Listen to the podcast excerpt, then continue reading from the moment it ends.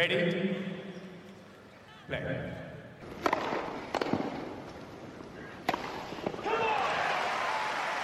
Merhabalar, Raket Servisi hoş geldiniz. Ben Gökalp.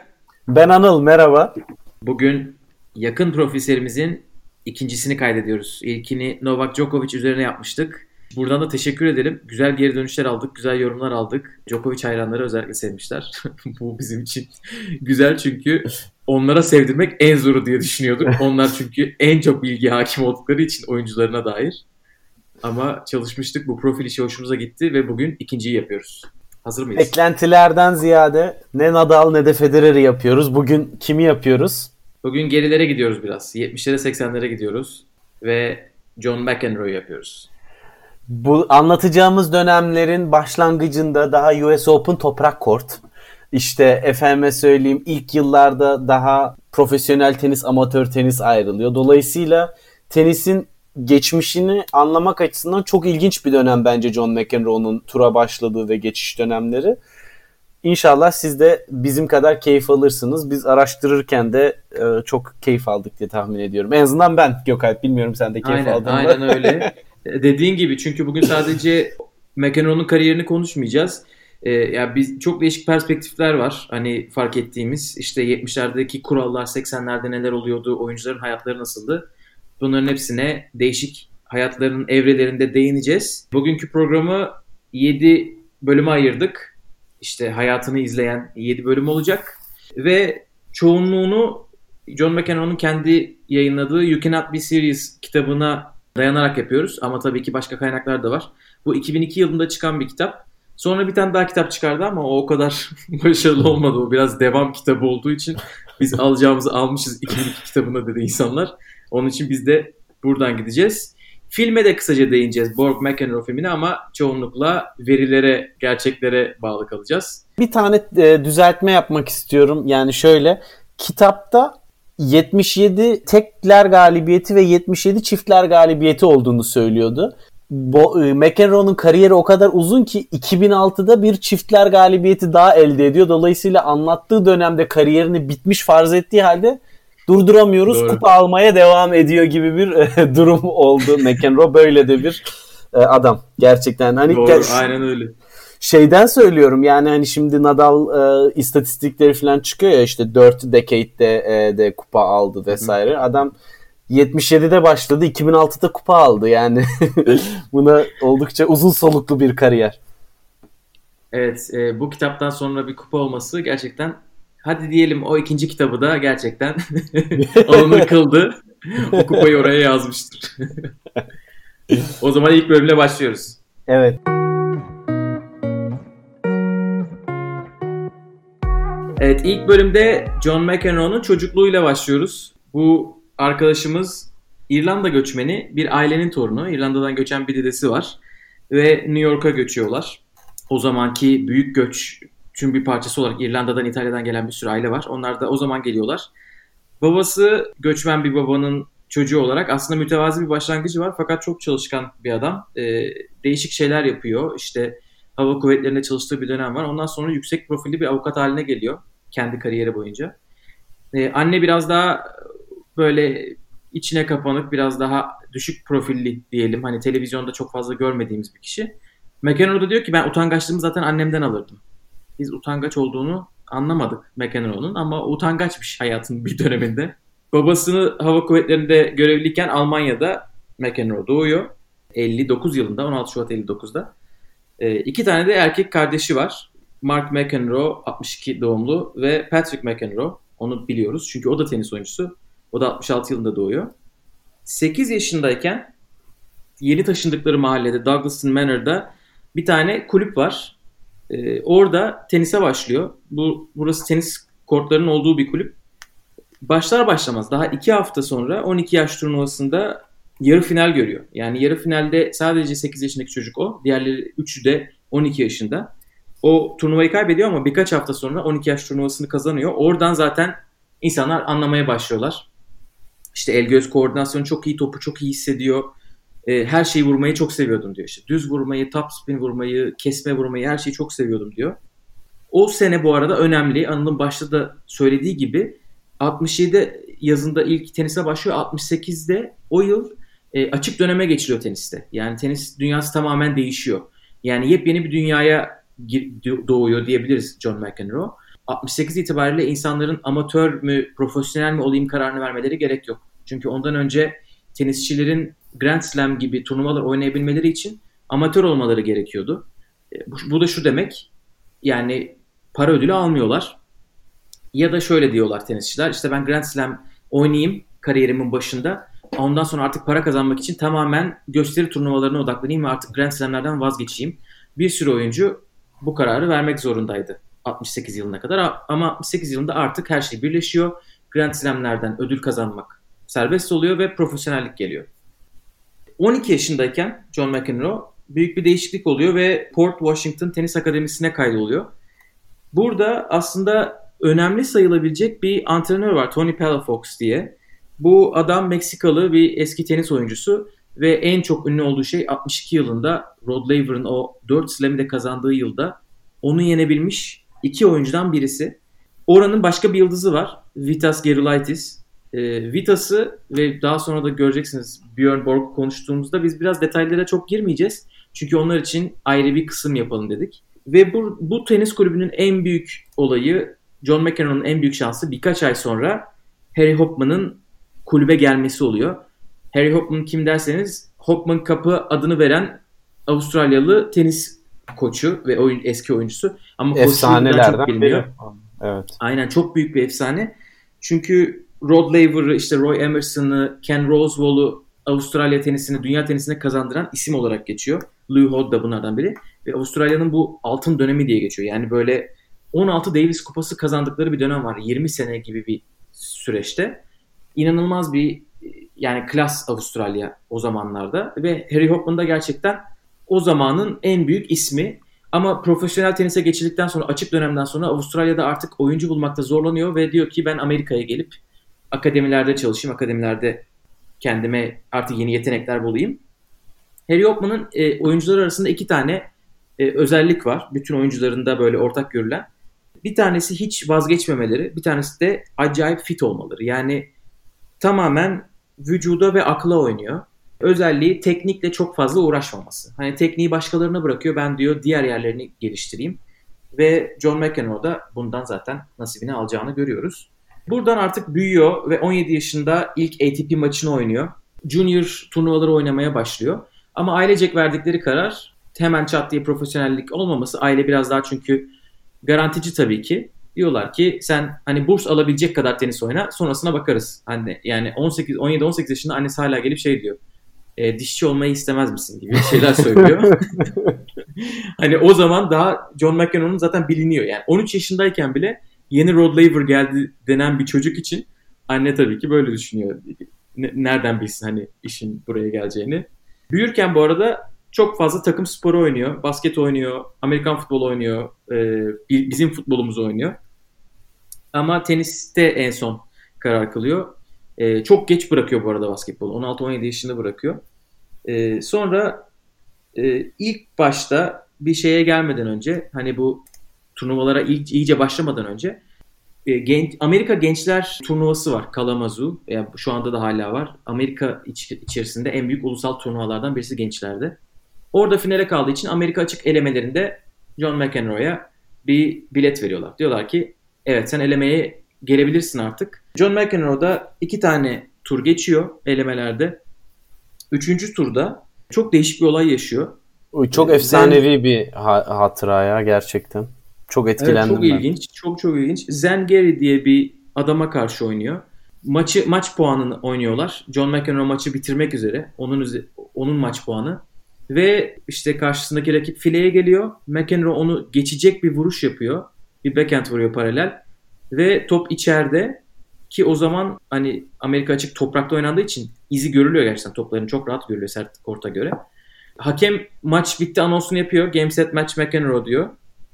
Ondan sonra rakip ısrar etmeye şey itiraz etmeye başlıyor. Hayır nasıl dışarıda top falan filan diye. Orada Junior Davis kaptan arkadaşları var McEnroe'nun. E, diyorlar ki korttan çık. Hani hemen korttan çık olay büyümesin. Sen, sen karışma. McEnroe da diyor ki öyle bir şey yok yani şimdi bir de içine böyle bir kurt düşüyor. Eğer korttan çıkarsam bir de şey olurum. Maçtan atılırım. Hani diskalifiye olurum. Hazır burada maç puanı bendeyken gerekirse kalayım. Sonra e, biz biraz süre geçiyor. Arkadaşları tekrar çık çık diyorlar. O çıkmıyor ve süpervizör geliyor. Hani hakemin müdürü dediğimiz e, arkadaş geliyor ve diyor ki top dışarıda. Ondan sonra oyunu oynamaya devam ediyor McEnroe. Tamam diyor. Yapacak bir şey yok. E, alırım ben bu maçı deyip orada kaybediyor. Elemeler 3. turda. Sonra da diyor ki evet yani bu bu bir yeni bir gerçekle karşı karşıyayım. Grand Slam'ler bambaşka. ATP turlarını oynamak zaten o bile zor. Ama Grand Slam'lerdeki bu tarz şey, senaryolarla ilk defa karşı karşıya kalıyor. E, sonra çok küçük bir anekdotla bitiriyor o kısmı. Bunu yapan oyuncu ilk tur maçında da aynısını yapmış maç sayısında. Orada yine içeride olan topa dışarıda demiş. Ama karşısındaki oyuncu çat diye bırakıp gittikten sonra maçı o olay maç bitiyor. Hiç John McEnroe'nun yaşadığını yaşamıyor rakibi. Bu şekilde ilk kısmı herhalde toparlayabiliriz. 17 yaşına kadar böyle tenis dolu bir hayat. İşte orta gelirli beyaz bir aile profili. 10-11 ee, yaşında işte gazete dağıtıyor falan. Böyle huzurlu bir hayatı var. E, tenis kulüplerinde büyümüş. Ama New York'un dışındalar bu arada. Çok da böyle yüksek gelirli düşünmeyin. Queens'deler. Hatta sonra lisesi Manhattan'da bir liseye gidiyor. Böyle gidişi bir saati geçen bir yolu var. Ama ailesi hani onun için iyi bir gelecek düşündüğü için bu tarz bir karar da almış. Ama tenisi bırakmayacağını zaten orada anlıyorlar. Ama yine de o şey yapıyor. Stanford'a kabul oluyor ve Stanford'a giriyor. Onun için ATP'deki ilk senesini orada zaten ikinci kısımda konuşacağız. Üniversiteyle beraber götürüyor. Ama sonra biliyorsunuz işler değişecek. Evet. istersen ikinci e, kısma yani yükseliş dönemine geçebiliriz. Biraz Osmanlı'yı ortaokulda öğrenirken gibi oldu ama yükseliş dönemi. yükseliş dönemi hakikaten bence başlangıcı çok ilginç. Yani şöyle düşünmek gerekiyor. John McEnroe'nun ailesi de hırslı. Hırsı ailesinden geliyor. Bunu oradan almış ve hani babasına çok erken yaşta demiş ki özellikle junior kariyeri başladığında 18 yaşına ben gelmeden benim juniorlarda bir numara gibi bir hedefim olması için bana baskı yapma gibisinden bir deyimi var ki hani o baskı üzerinde hissetmek istemiyordu. Ama başarılı da bir oyuncu. Bunların e, paralelinde tenisteki başarısıyla tabii Amerika'da çok yaygın olan sporcu burslarıyla üniversitelerden burs teklifleri alıyor. Deniyor, bakıyor oraya buraya. Sonunda Stanford'a karar veriyor. Stanford'a kabul aldıktan sonra işte bu yaz döneminin başlangıcında USTA 500 dolar veriyor John McEnroe'ya ve diyor ki biz sende potansiyel görüyoruz. Wimbledon ve Roland Garros'un e, junior turnuvalarına katıl diyor. Wimbledon'un ve e, Fransa açığın e, junior turnuvalarına katılmak için John McEnroe hiçbir şey bilmeden 77 senesinde genç yaşında Avrupa'ya gidiyor ve Fransızca bile bilmiyor. Hani onu orada karşılayacak insanlar nereye nasıl gidilir hiçbir şey bilmiyor ve e, güç bela işte turnuva tesislerini filan buluyor. Ondan sonra oynamaya başlıyor ve Fransa'da ana tablo maçlarına çıkıyor ama orada da eleniyor. Fakat daha sonrasında ikinci haftada başladığı için Junior şampiyonaları Junior şampiyonalarına da katılabiliyor. Ve Junior'a katıldığı gibi şampiyon oluyor. Şöyle bir şey var bu çok önemli bence. John McEnroe'nun hiçbir Roland Garros e, galibiyeti yok e, seniorlarda. Fakat juniorlarda ilk katıldığı turnuvada e, şampiyonluğunu alıyor. Hani buradan da esasında bir momentum yakalıyor. Aynı şekilde daha 77 senesinde bir anda acaba ne olur diye düşünüyor ve hani şunu öngöremiyor. 500 doları alıyor ama 500 dolarla ben nerede ne kadar kalırım ne ederim bunları çok hesaplayamıyor. E, oyuncu oteli diyorlar Sofitel. Oraya gidiyor. Geceliği 30 dolar o zamanın parasıyla. Bir, bir anda parası da bitiyor. Ne yapacağını şaşırıyor. İki gün sonra otelden çıkıyor işte güç bela orada e, ona yardımcı olan e, Stacy'di e, arkadaşı yanlış hatırlamıyorsam. Ona işte e, şey otel bulması için yardımcı oluyor. Küçük bir apart otelde çok daha ucuz şartlarda kalıyor ki parasını idame ettirebilsin. Oradan devam ediyor İngiltere'ye geçiyor. İşte Ama e, İngiltere'ye geçmeden önce ben çocukluğunda şeyi söylemeyi unuttum. Sen e, Hı. hani toprağa değindiğin iyi oldu. Evet. E, junior kariyerinin çoğunda John McEnroe toprakta oynuyor ilginç bir şekilde. E, yani büyük ihtimalle batıda olmamasından dolayı Kaliforniya'da çok fazla Evet. sert kort var diye çünkü sonradan söylüyor. E, diyor ki gençliğimde ben toprak oyuncusuydum diyor. Çok ilginç bir şekilde. Çünkü o zaman vücudu tam böyle e, ne servise ne de voleye e, yet- yetecek kadar gelişmiş durumda. Onun için burada toprakta onun hani yapabilmesi çok ilginç. Bir de hani junior diye gidip ana tablo elemelerinden ana tabloya çıkabilmesi daha 18 yaşında hiç hani Avrupa'da oynamamışken bu büyük ihtimalle acaba şey diye düşünmüş müdür? Ben zaten herhalde kazanacağım bunu ileride diye kafasında bir şey yaratmış mıdır bilmiyorum artık. Yani şimdi e, tabii ki toprak kort hakkında şöyle bir şey diyor. Clay court tennis is for the birds. Yani e, bö- bö- böyle bir e, yorumu var kitabında çok net bir şekilde toprak kortla. Çok haşır neşir ve sevgi dolu bir anlatımı yok. Zaten Roland Garros'da hiçbir şekilde Grand Slam kazanamaması da e, bundan e, kaynaklı olabilir belki de. Çok oyununa uymuyor. Çünkü hani biraz tekrar geçmişe gideceğim Wimbledon'a gelmeden önce. Burası kritik. E, Tony, antrenör Tony ile oynarken e, tenis karakteri çok net oluşuyor. Çünkü e, Tony'nin bir düşüncesi vardı o dönemde. Hani diyor ki ben diyor hani oyunculara bakıyorum herkes baseline'da diyor. Kimsenin bir ileri geri gideyim vesaire tarzı çok fazla düşüncesi yok. John McEnroe da buna çok uygun bir profil ve yapısı, hırsı ve agresifliğiyle de bunu çok tamamlıyor.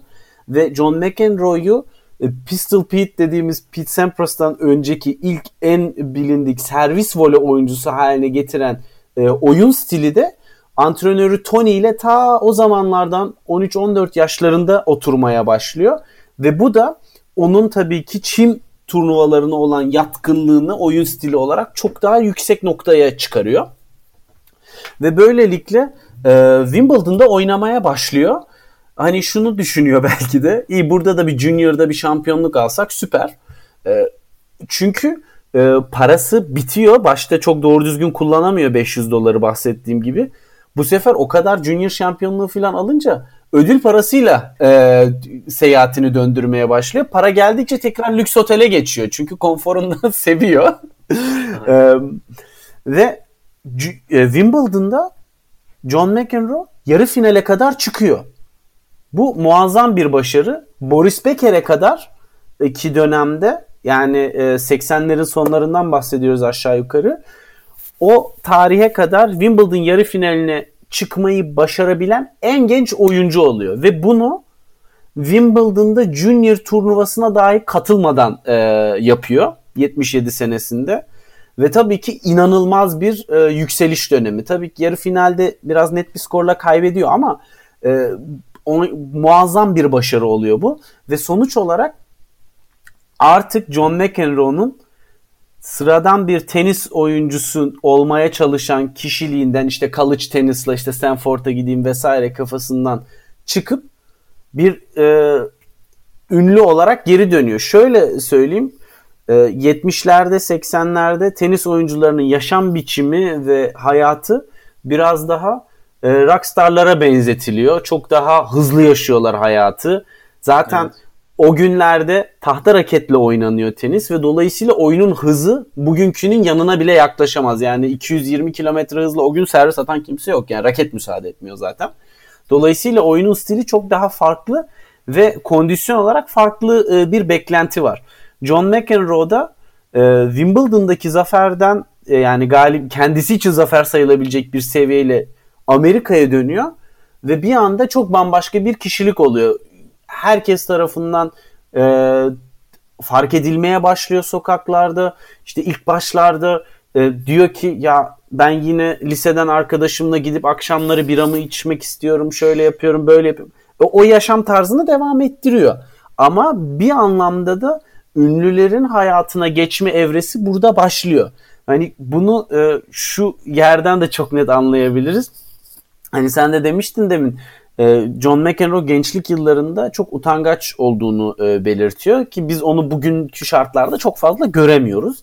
E, burada bir dönüşüm sadece e, korttaki davranışı ve e, normal hayattaki davranışından ziyade kadınlara yönelik de oluyor. yani John McEnroe artık bir celebrity, bir ünlü olma yoluna gittiği için daha öncesinden çok çekindiğinden bahsediyor kadınlara karşı yaklaşırken, konuşurken. Başarıları geldikçe e, bu sefer e, o rockstar hayatına yavaş yavaş uyum e, sağlamaya çalışıp aynı zamanda da kadınlarla olan ilişkisi de bu dönemde çok şekilleniyor. Hani ileride altı çocuk sahibi oluyor, e, daha genç yaşta evleniyor vesaire. E, bunların hepsinin başlangıcı bu dönemde atılıyor. E, tabii ki John McEnroe da esasında bu kadar e, erken başarıyı kendi de beklemiyordu ve bu şu şuna sebebiyet veriyor.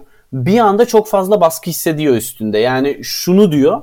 Ben diyor daha juniorlarda bir numara olmadım ve onun juniorlarda bir numara olma hedefine yönelik baskıları daha hissetmezken bir anda e, şeye çok Wimbledon yarı finaline çıkarak bu erken yaşta çok farklı bir seviyede e, bir beklentiye e, geldi her şey. Bununla başa çıkma ne kadar başa çıkabileceğini o dönem çok emin değil.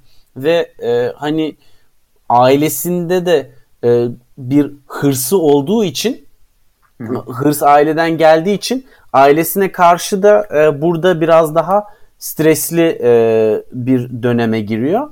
Ve hani şu var e, bu dönemde tabii daha bir e, bu daha sonra işte Borg olsun, Vitas olsun bunlar e, yaşça McEnroe'dan büyük olduğu için daha onların seviyesine gelmediği bir dönem ve dolayısıyla e, şey çok daha bir şeyleri algılamaya çalışıyor. Bir başarı geliyor, çok hızlı geliyor. Bunun sindirmesi için hiçbir vakti olmuyor e, ve bunun psikolojik dönüşümlerini kitabında da çok net anlatıyor. Ve hani her seferinde şunu da belirtmekten e, geri kalmıyor. Bunu çok sıklıkla dile getiriyor. Hani ben bir takımın bir parçası olsam bu dönemdeki iniş çıkışlarımı kompanse edecek, beni koruyup kollayacak takımda insanlar olabilirdi e, diyor. Hani tenisin yalnızlığının onun bu ilk yükseliş dönemindeki en büyük zorlayan etkenlerden biri olduğunu e, burada söylüyor.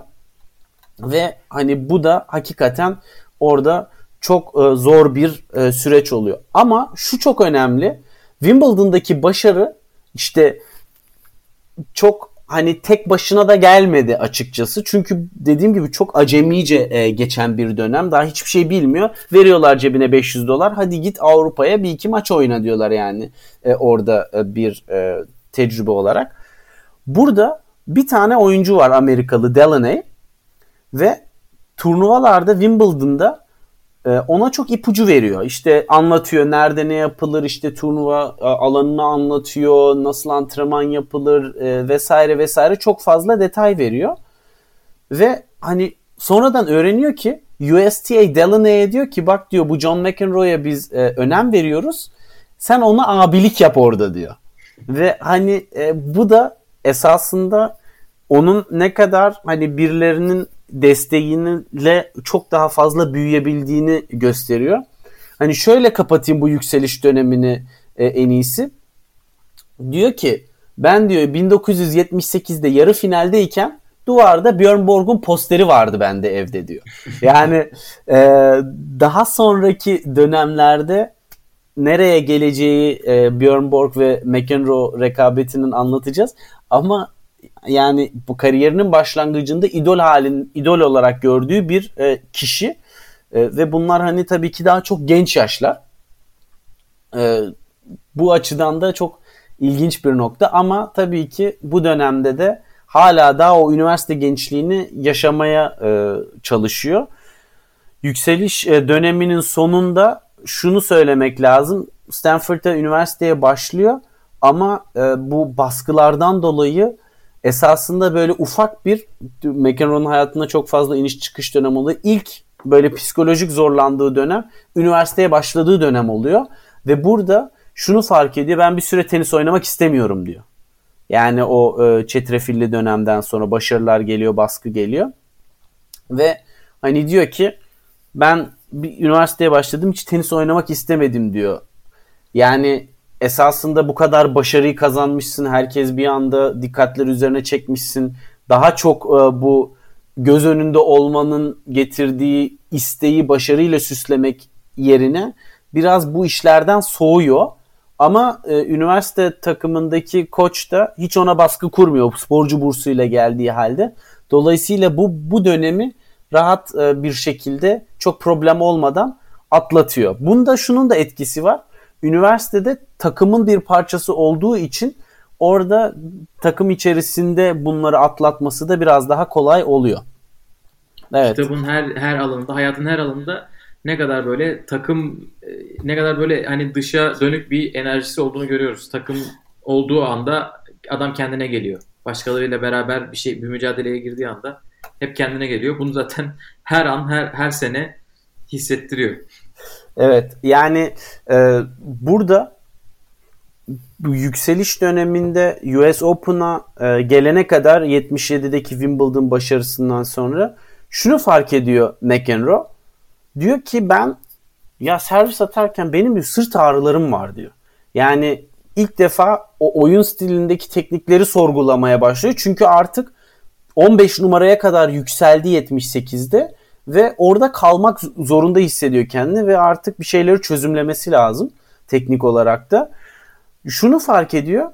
Ben diyor e, düz atıyorum servisi diyor ve oradan dolayı bir, bir şeylerin doğru hissetmediğini, e, bir şeyler doğru gelmiyor bana diyor.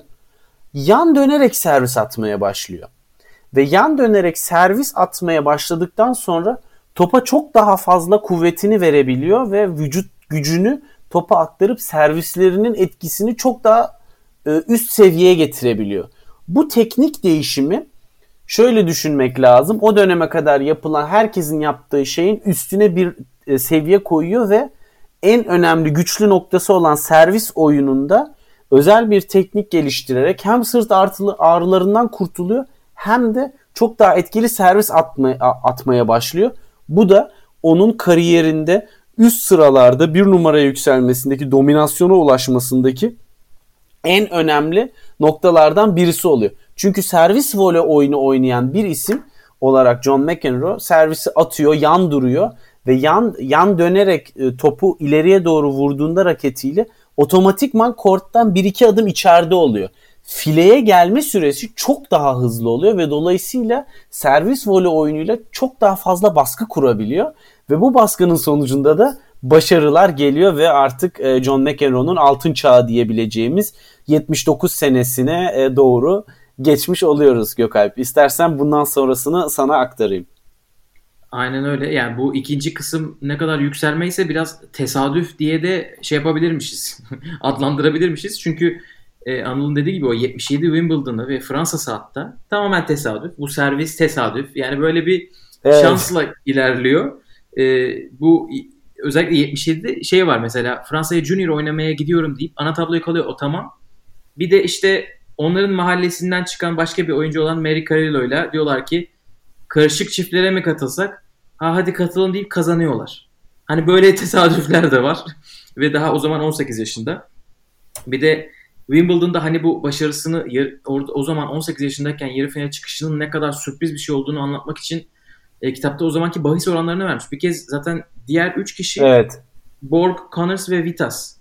Yani onlar zaten dünyanın ilk üçüler. Yani işte Vitas bir 4 numara, Connors 1 numara, Borg 2. İşte Wimbledon'ı kazanmaya Borg'a 1'e 2 veriyor. Connors'a 1'e 3 veriyor. Vitas'a 1'e 7. McEnroe'ya 1'e 250 veriyor. Hani bu kadar büyük bir sürpriz başarıyor. Çünkü elemelerden de gelip yarı finale çıktığını düşünürsek gerçekten çok ilginç. Yani Tam bir servis... Mr. Nobody o dönemde yani. Kimsenin bilmediği etmediği birisi. Evet hiç zaten o da ileride de şey diyor. Böyle gelen rakiplere karşı ben de çok tedirgin oluyorum. Hani eleme ki kendisi de ileride Wimbledon yarı finallerinden bir tanesi de elemeden gelen birisiyle oynayacak. Evet. Kendimi hatırladım diyor 77 yılında. Ee, çünkü yani Serseri Mayın gibi bir, bir kişi yani o elemeden gelmiş.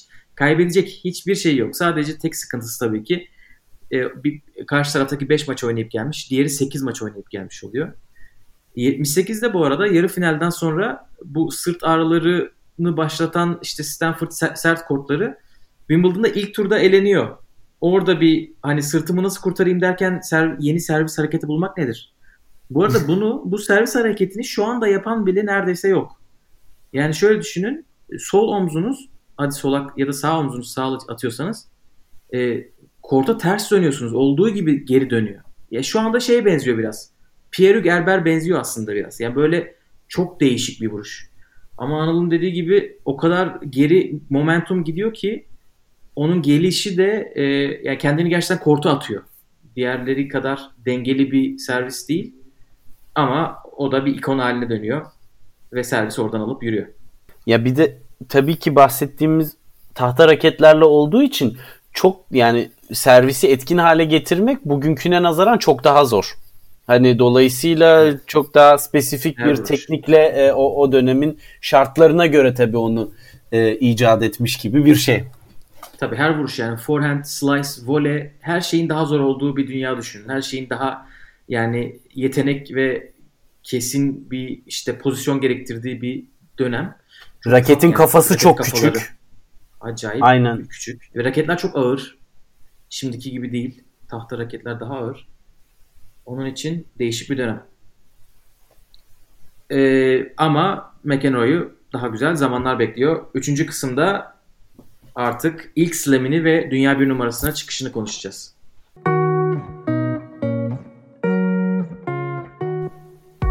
Evet 79 yılında e, Masters galibiyetiyle başlıyor seneye. Evet Masters'lar o zamanlar senenin başında oynanıyormuş. Yani 78 yılının ilk işte 8-10 kaç oyuncusuysa onlar 79 ocağının başında oynuyorlarmış.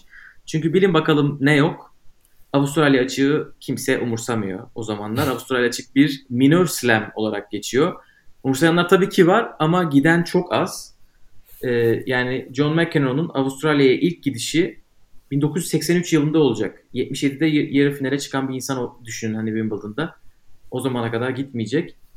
Ondan sonra e, yani bu Masters'ı kazanıyor John McEnroe ve orada bir şey gözüküyor artık.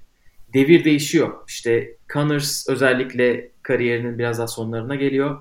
E, orada yeni bir McEnroe beliriyor. E, ve burada biraz daha asabiyetin de yükseldiği anları görüyoruz.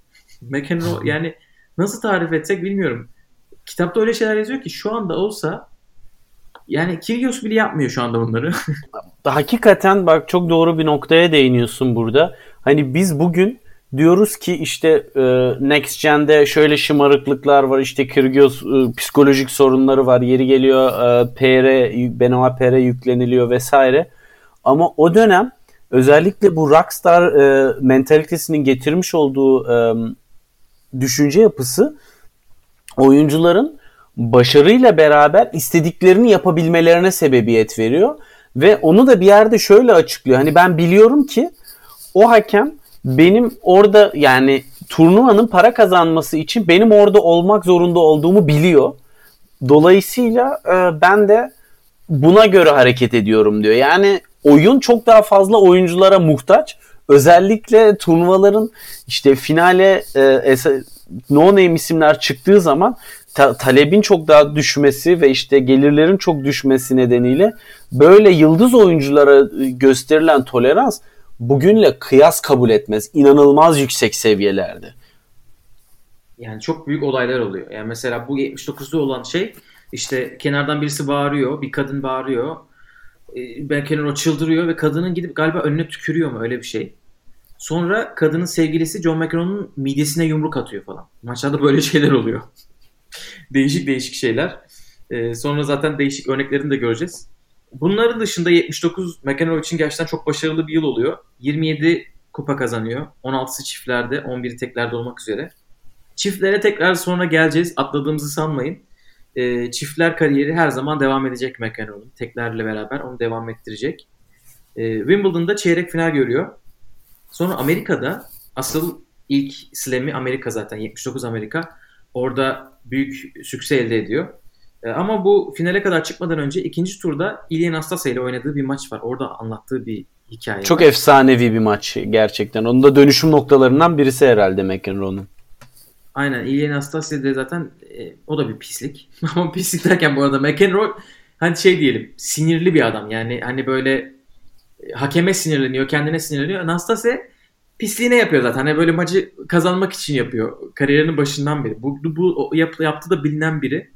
Neyse geç bir saatte bunlar maçlarına çıkıyorlar. İkinci tur maçı bakın daha öyle şeyler de değil. Hani ikinci haftada bile değiliz. Ee, turnuvanın hakemi Frank Hammond diye bir adam. Frank Hammond'ı hem McEnroe hem de Nastase bu e, ATP'nin en iyi hakemi diye tanıtıyorlar. Yani ATP turunun en iyi hakemi adam çok böyle e, bize hiç çocuk gibi davranmaz. Diğerleri yapma işte puan cezası veririm yapma şunu yaparım. Bu gelip şey dermiş. E, hadi bak yol lütfen hani maç maç maçta kalalım. Ne gerek var böyle şeylere? Zaten e, maç güzel gidiyor. Bunlara ne gerek var? Yani biraz da Muhammed Lahyani çağrıştıran hareketler diyebileceğimiz şeyler yapıyormuş işte e, bu tarz aşırılıklar yapanlara. Nasese ortalığı birbirine katıyor gerçekten. E, yani yapmadığını bırakmıyor ve e, hani Anıl'ın anlattığı gibi o zaman oyun biraz yıldızlara muhtaç olduğu için hakemler biraz daha böyle karar vermekte ürkekler. Ama o gün Frank Hammond diyor ki ben kararımı verdim. Çat çat cezaları veriyor ve Nastase'ye oyun cezası veriyor. Yani oyun cezasına kadar yükseliyor. Ee, Nastase onu hiç beklemediğini söylüyor mesela kendi kitabında. O kadarını beklemiyordum diyor. Hani adam mesela hakeme kendi sinirlenmemiş.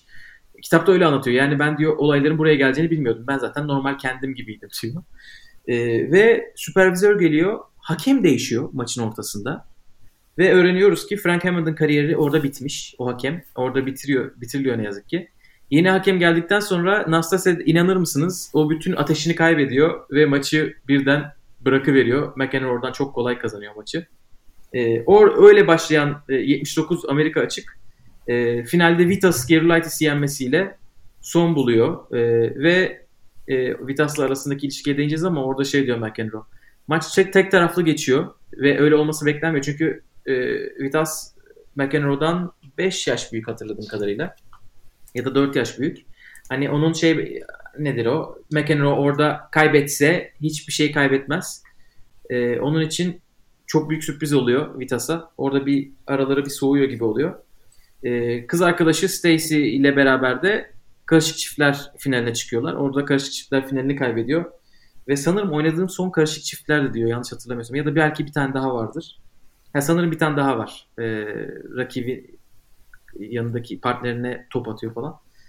Ama 79 senesi böyle çok tenis oynadığı, çok kupa kazandığı ama bir Grand Slam kazandığı bir sene oluyor. Sonra 80'e gelecek olursak 80 herhalde artık John McEnroe'nun tenis dünyasında hani böyle iyice yerine oturduğu e, evet o adam... ilk dörde giriyor artık yani e, yıldızlar karmasının içerisinde. Aynen. Zaten 79'da da bunların sinyalini veriyor.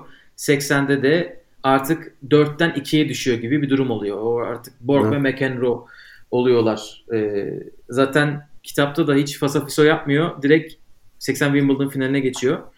1980 Wimbledon finaliyle alakalı böyle çok şey duymayanınız varsa bu final 2008 Federer Nadal finaline kadar Wimbledon'da oynanan en iyi maç olarak biliniyordu çoğu çoğu kişi tarafından. Ee, gerçekten çok heyecanlı bir maçmış. Ee, iki tane çok böyle heyecanlı kısmı var maçın. Bir tanesi dördüncü set tiebreak'i, bir tanesi de beşinci setin tamamı yani son zaten 8-6 bitiyor beşinci set. Ee, ve e, McEnroe hani şöyle düşünün çiftler finaline çıkıp öyle geliyor şeye tekrar finaline de. Acaba şey diye düşündüm diyor. Çekilse miydim çiftler finalinden biraz daha hazır olmak için ama bunu partnerime yapamazdım diyor. Öyle de bir çiftler oyuncusu yani. E, Borg McEnroe filmini izlemediyseniz de film bunun üzerine kurulu. 80 finalini böyle baz alıp hayatlarını anlatıyor. Ama yani filmin böyle hep temasında o final var. Gerçekten çok büyük bir maç. E, Borg orada 5. Wimbledon'ı kazanıyor arka arkaya. E, ve böyle ucu ucuna McEnroe'yu McEnroe yeniyor. Oradan ya. sonra Amerika açığa gideceğiz ama Wimbledon'la ilgili bir şey varsa şey. Evet. E, yani burada e, çok ilginç bir anekdot paylaşıyor John McEnroe. Zaten karakter itibariyle genel olarak hep diyor hala diyor insanlar beni çok fazla tanıyor diyor. Yani gittiğim yerde herkesin beni hemen fark ettiğini anlıyorum diyor ve insanlar benimle konuşuyorlar diyor. Ve e, bahsettikleri yani direkt lafa daldıkları işte çok önemli iki konu var. Birisi zaten kitabı adını veren You Cannot Be Serious olayı. E, bu daha sonra oluyor. E, diğeri de bu 80 Wimbledon finali. Bu dördüncü setin tiebreak'i o kadar böyle maçın dinamiğinin ve e, geriliminin yükseldiği nokta ki birçok insan diyor benimle konuşurken sanki ben o Wimbledon finalini kazanmışım gibi hatırlıyorlar diyor. Yani e, beşi insanlar tiebreak'ten sonra maç bitmiş gibi düşünüyor. O kadar büyük bir e, heyecan ve gerginlik var ki orada insanlar hani 5. set bit sonunda Borg'un kazandığını farkında bile değiller. Herkes böyle 4. setin tiebreak'inin etkisinde kalmış. Bu açıdan da neden e, bu kadar efsanevi bir maç olması olduğunu biraz da bu anlatıyor gibi. Hakikaten evet, biz şey böyle bir maç çok yoktur. Ekleyelim. Evet evet aynen öyle. Biz bu tiebreak'i Wimbledon YouTube kanalına yüklemiş. Sadece o tiebreak. Onu izleyebiliyorsunuz. Onun linkini biz aşağı ekleyelim. Ee, 9. puan itibariyle ortalık şenleniyor. Yani kalite belki çok çok e, böyle dünyanın en yüksek kalitesi olmayabilir. E, çünkü Federer Nadal'ın da bir tiebreak'i var. Federer Djokovic'in 2015 ya da 14'te bir tiebreak'i var.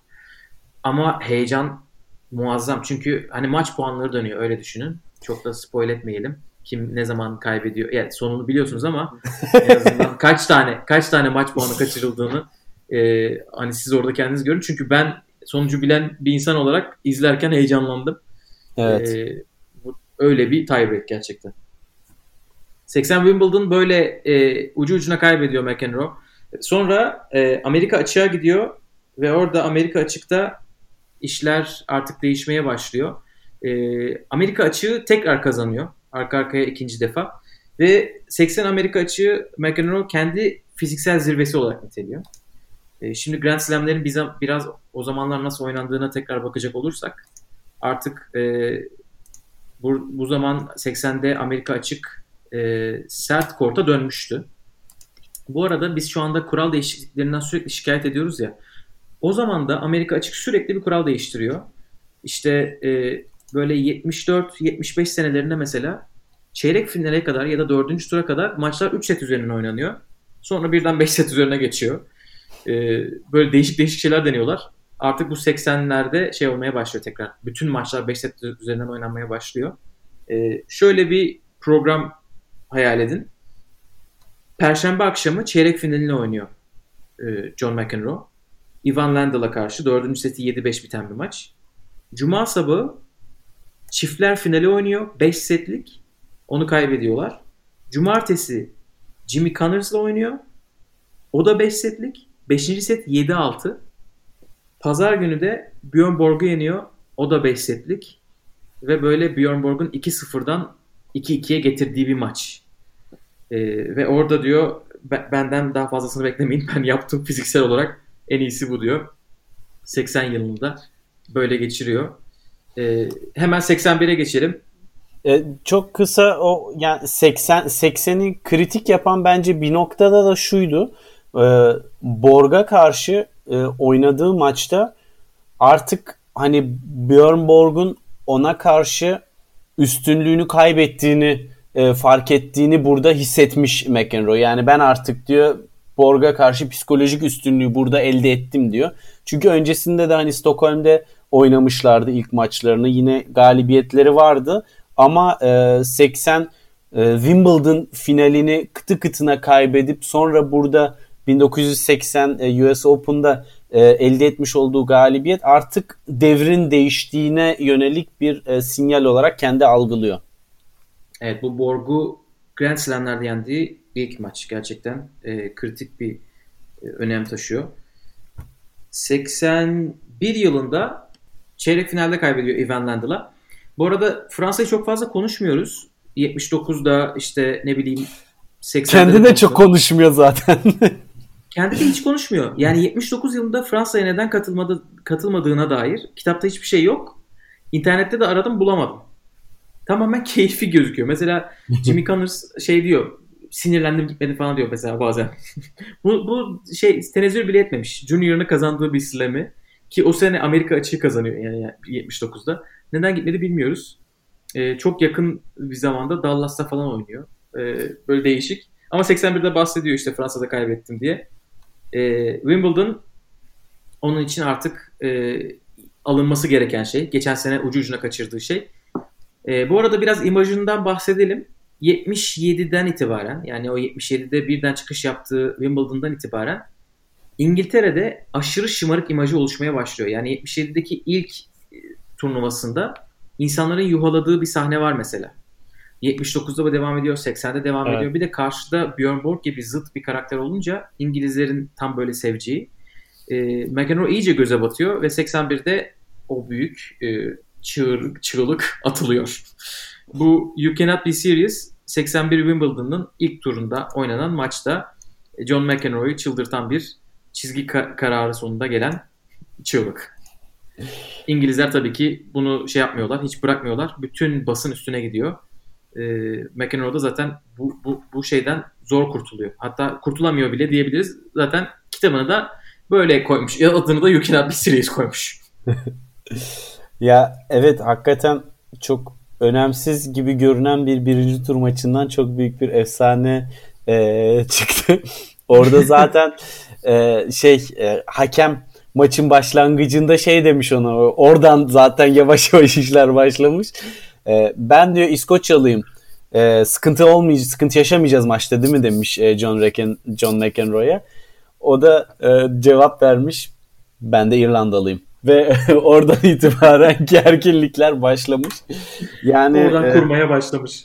Hani daha önceki hakem anekdotuna istinaden hakem var, hakem var. Hani bir de tabii bu yaptığı e, yani çok bu dönem tabii ki John McEnroe'nun e, Björn Borg'la beraber e, dünyanın en büyük iki efsanesi olarak idolleştikleri dönem. Hatta yani e, şeyi anlatmıştı orada bir e, bir Güney Afrika'da bir maç oynaması için 750 bin dolar para teklif edilmiş gösteri maçı yapsınlar diye. Ondan sonra e, araştırınca işte amacını vesaire işte bir kazinoda işte kara para aklamak isteyen vesaire veya kirli paranın döndüğü kişilerin bunu organize ettiğini öğreniyor ve bir maç için 750 bin doları reddedebildiği bir dönem. O kadar evet. hani her şey yağıyor, sponsor gelirleri her şey yağıyor ve Hani bugünlerde mesela işte Katar'da bir gösteri turnuvası düzenleniyor etik olarak filan tartışılıyor ya. Hani o dönemlerde ki paralar çok daha küçük olmasına rağmen bugüne kıyasladığında onları 750 bin dolar gibi bir meblağı elinin tersiyle itebiliyor. Ee, ve böyle bir dönemde tabii ki e, böyle olaylarda oluyor. Çünkü artık hani egosu da tavan yapmış vaziyette. Buraların mekanın sahibi benim tadında dolaşıyor esasında. Evet bunu iyi hatırlattın. Çünkü bu McEnroe'nun gerçekten en gurur duyarak söylediği şeylerden birisi. Güney Afrika'ya gitmemesi. Çünkü özellikle o zaman Güney Afrika gösteri maçı çok yapıyor. Yani şu an hani bu Suudi Arabistan'a benzetme belki daha iyi benzetme olamaz. Çünkü o zaman Güney Afrika'nın yapmaya çalıştığı apartheid rejimini işte e, insanlara güzel bir şekil güzel bir şeymiş gibi tanıtması. Yani Güney Afrika'nın güzel bir ülke, güzel bir rejim gibi tanıtılması. E, orada Arthur Ashe'le konuşuyor. Arthur Ashe diyor hani yapma. E, ben gittim e, ve hani onlara bunun yapılmaması gerektiğini anlatmak için gittim. Gerçi Arthur Ashe'in gitmesi de bir garip ama hani onun bir bildiği vardır.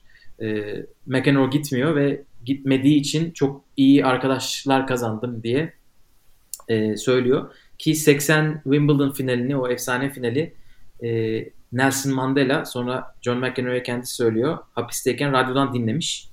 E, hani Abi Güney Afrika'ya gitseydi belki onun için bu tarz şeyler değişik olabilirdi. E, ee, 81'de Wimbledon'ı artık kazanıyor. E, ee, 80 Wimbledon'da yaşanan aynısı yaşanmıyor ve e, finalde de Björn Borg'u yeniyor. Hani öyle Björn Borg bir yerde eleniyor da şeyde değil. Öyle gerçekten istediği gibi ve çok da böyle yakın 4 sette kazanıyor. Yani Björn Borg 5 tane arka arkaya Wimbledon kazandıktan sonra bu yeni çıkan oyuncuya 6.da kaybediyor. Bize birilerini hatırlattı. 2003-2008 arası kazanıp 2009 pardon 2003-2007 arası kazanıp 2008'de tam böyle yani Federer Nadal'a çok benziyor paralel şey olarak e, skor olarak 5 artı 1 ama e, oyun stilleri tabii tam tersi. Evet. Sonra, bu, bu kadar yani ders olamaz yani. oyun stilleri tam tersi. 81'de Amerika açığı da e, tekrar kazanıyor.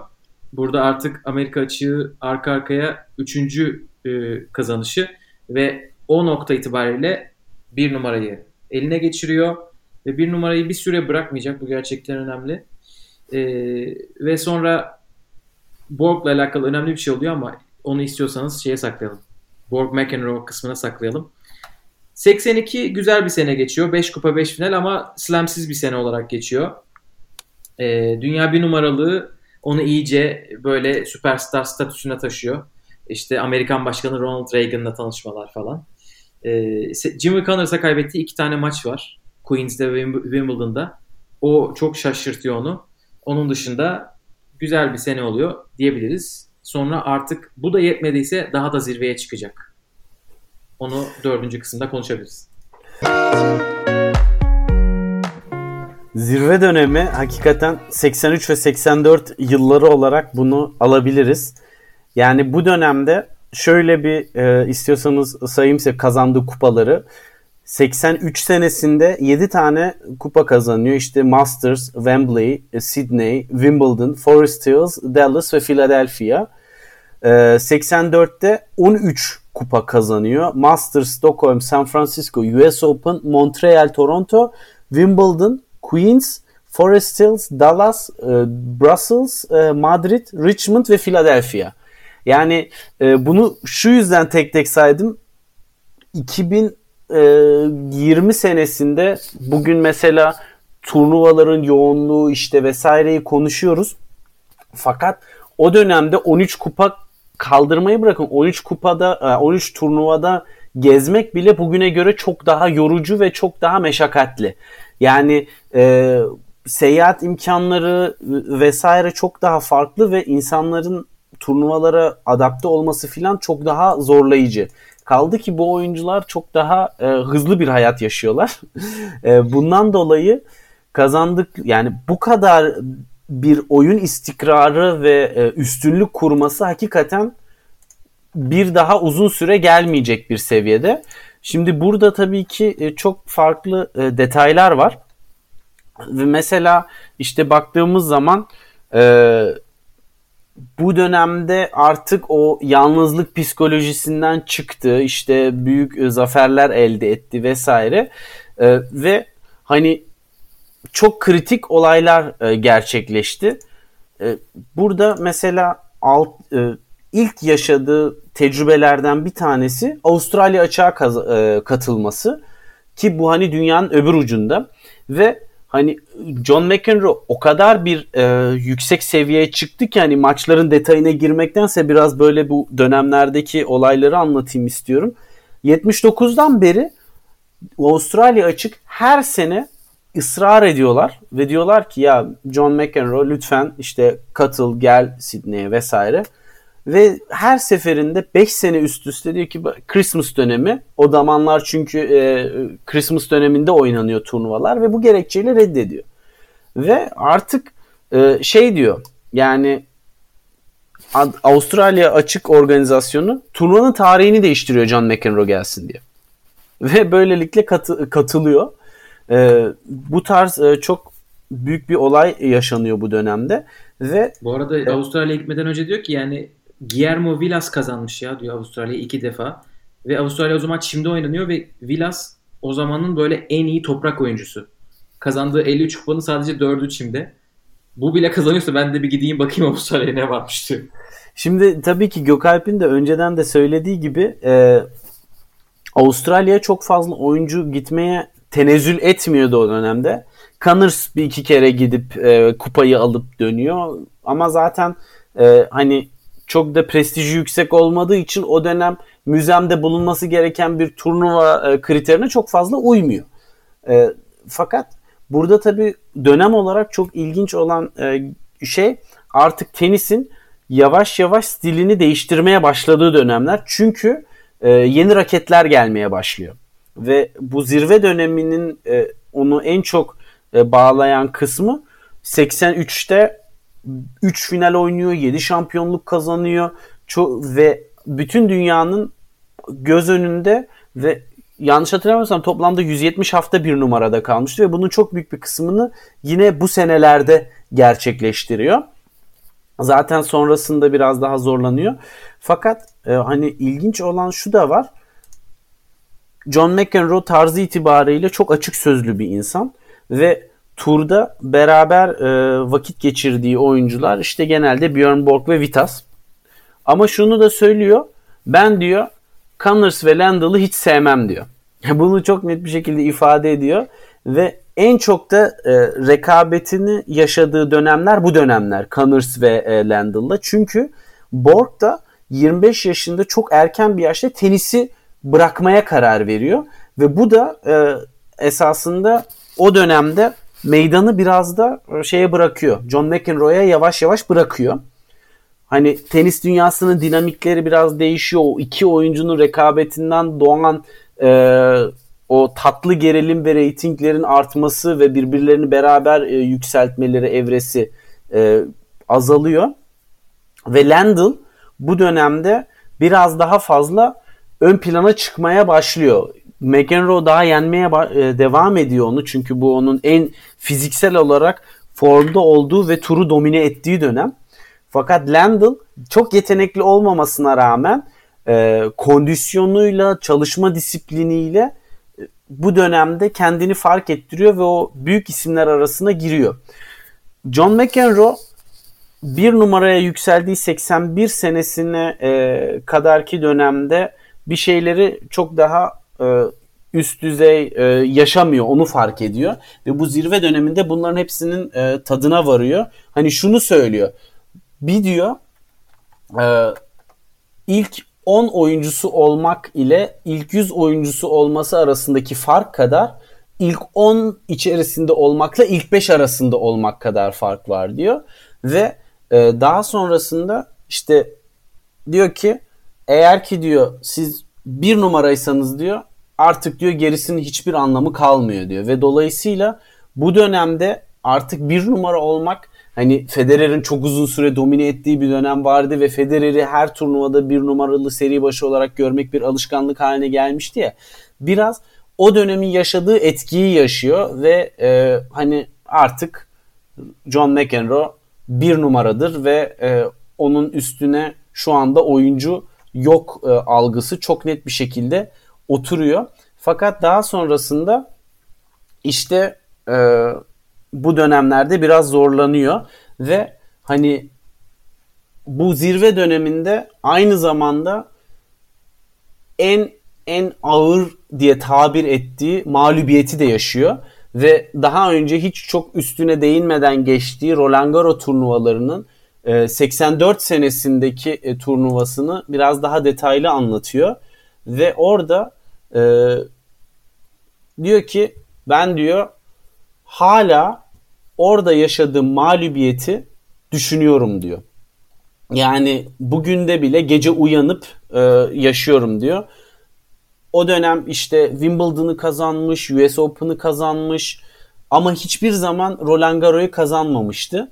Borg ise hani o büyük oyuncuların rekabetinde Roland Garros'u 6 kere kazanmış, Wimbledon'ı 5 kere kazanmış ve US Open'ı hiç kazanmamış. Yani bu John McEnroe'nun kendini en formda hissettiği dönemde Roland Garros, US Open ve Wimbledon'ı aynı anda kazanan e, oyuncular arasına girip ve direkt olarak Borg'un genel e, kariyer olarak gol tartışmaları dönüyor ya bugün de. Orada bir adım önüne e, geçmesi için çok büyük bir fırsat geliyor.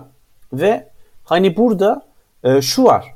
Yani oyunumun diyor o bahar en üst noktasındaydım diyor. Ve hani şunu yapıyor. Ben diyor bu dönemde hiçbir şeyi değiştirmedim diyor. Ve fakat e, burada e, biraz daha o gerginlikleri yaşamaya başlıyorum diyor. Yani kaybetme korkusu biraz daha psikolojik olarak üstüme geliyor diyor. Ve e, şu oluyor. Son final maçına çıkacaklar. Landell'ın artık e, ilk defa böyle e, yavaş yavaş sahnede o büyük oyuncular arasında girmeye başladığı dönemde. Roland Garros finalinden önce işte diyor Fransız gazeteleri diyor benim karikatürümü çiziyor işte Landell'a böyle tabancayı doğrultmuşum onu sahada yok edeceğim filan diye. Beklentiler maçın çok rahat geçeceği yönünde ona dair. Bu arada Ve, Anıl bu beklentileri bir ekleme yapayım. 84 yılı hani bizim şu anda gidip gidip e, geri döndüğümüz sene 2015 Djokovic mi işte 2006 Federer mi evet. hangi iyi, en iyi sezon?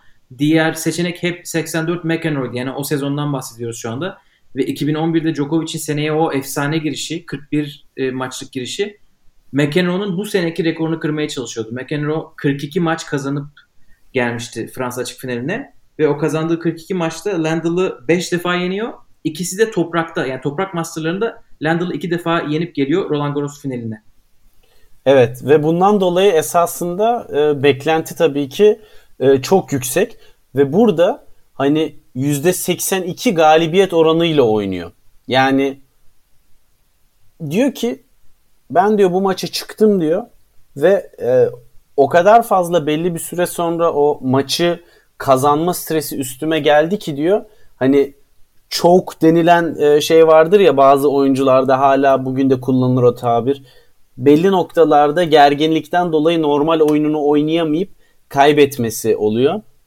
Ve bu Roland Garros finalinde işte tam da e, bu başına geliyor. Son işte dördüncü sette 4-2 önde 40-30'a servis atıyor ve oradan seti kaybediyor. Mesela. Ve e, ondan sonra kontrolünü kaybediyor ve maçı e, çok net kaybediyor. Yani 3. sette 2-0 önden 6-4 kaybediyor.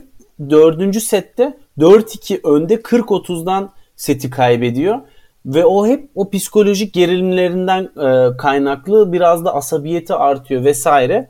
E, ve bu onun hayatındaki en en büyük mağlubiyeti oluyor. John McEnroe'nun bu asabiyetine yönelik tabii ki e, iki teori var. Kimisi işte ona diyor ya diyor sen sinirliyken daha iyi oynuyorsun zaten diyor öfkeyle filan. E, ancak John McEnroe bunu şöyle açıklıyor. Bu bazı maçlar için doğru ama bazı maçlar için de tam tersi her şeyi kaybediyorum diyor. Ve bu 84 Roland Garros finali e, onun en büyük üzüntüsü oluyor ve burada da e, o öfkesini kontrol edememesinin de üstündeki baskı ve gerginlikle beraber e, burada en önemli kriter oluyor. Ve bu 84 Roland Garros mağlubiyetinden sonra psikolojik olarak Landell'a karşı bir şeyleri kaybediyor ve ondan sonra esasında John McEnroe'nun biraz daha düşüş döneminin olduğu ve işte Con- Connors ve Landell'ın daha ön plana çıktığı dönemler başlıyor. Evet aslında 84 84 yılının biraz daha hakkını vermek için hani Fransa'nın geri kalan kısmına da çok kısaca bir değinelim. Çünkü o acı mağlubiyeti yaşadıktan tam daha yani 2-3 hafta sonra Wimbledon finalinde Connors'a sadece 4 oyun vererek bir şampiyonluk alıyor ve bunu 6-1 6-1 6-2 değil mi? Öyle evet. bir şeydi ve sanırım. Yani bunu çoğu kişi John McEnroe'nun oynadığı en iyi maç olarak nitelendiriyorlar. McEnroe kitabında biraz mütevazılık yapmış. Hani Connors o gün evet. çok iyi değildi diye ama aynı şeyde istatistikleri de eklemiş %74 ile ilk servis attım ve maç boyu sadece 3 basit hata yaptım diye. Hani gerçekten büyük şampiyonların ne kadar böyle büyük yenilgilerden çabuk kurtulup e, bunlara geldiğini görüyoruz. Ya topraktan çime geçmek de tabii ki McEnroe için büyük bir nefes. E, geçen Andy Roddick The Record Podcast'a katılmış. Şakayla karışık şey diyor. Benim için senenin en güzel günü diyor. Fransa açık benim için bittiği gün trene binip trene binip Manş Denizi'nde tünelden geçip Londra'ya çıktığım andı diyor sene içerisinde. McEnroe için de gerçekten de bu geçerli. O büyük Landell mağlubiyetinden sonra inanılmaz bir Connors galibiyeti. Ee, sonra Amerika açıkta da yani inanılmaz bir fiziksel yani turnuva. Akşam 7'de başlayan yarı finali cumartesi günü. Onu alıp pazar günü Landell'ı yeniyor. Hani Landell'ı Fransa açıkta kaybettikten sonra Amerika'da yenmesi ona ayrıca bir e, mutluluk sebebi. Ama sonra işler 84'ten sonra değişti. Sarpa sarıyor. Evet, 5. kısımda düşüşü konuşacağız. Düşüş biraz ani oluyor ama 84 bitince hemen gelmiyor. Sadece slam gelmiyor. Hani 84 Amerika açık. McEnroe'nun kazandığı son slam olacak artık. 85 güzel ama slam kazanamadığı bir sene olarak geçiyor. Buradan herhalde 2-3 şey söylemek gerekirse bir tanesi e, Queens'e katılmaması. Normalde hep Queens'e katılıp e, Wimbledon'a giderken belki diyor hani Queens'e katılsam işler değişik olabilirdi. Çünkü Queens'i 17 yaşındaki Boris Becker kazanıyor o sene. Ve gidip onun üstüne Wimbledon'u da kazanıyor Becker aynı sene. Ee, o orada şeyi söylüyor. inanılmaz bir servisi var ve ben 17 yaşında bir çocuğun böyle bacakları olduğunu görmedim diyor. Böyle bir fizik olamaz diyor. Çok çok iri diyor. Ee, sonra Amerika açıkta başka bir genç artık o, kadar Becker kadar genç değil ama yarı finalde Villander maçı biraz dönüm noktası oluyor. Hani o çok zor bir maçı alıyor ama sonra finalde Amerika açık finalinde Landal'a kaybediyor.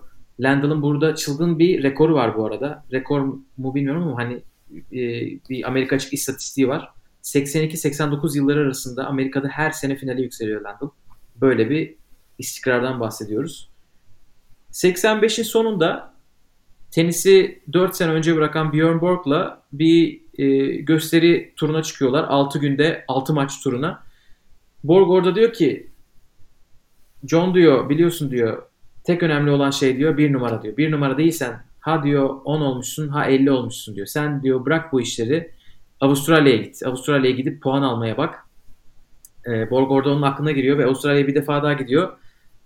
Hay gitmez olaydım diyor Avustralya'da. Hiç şeye değmedi diyor. Seyahatime değmedi.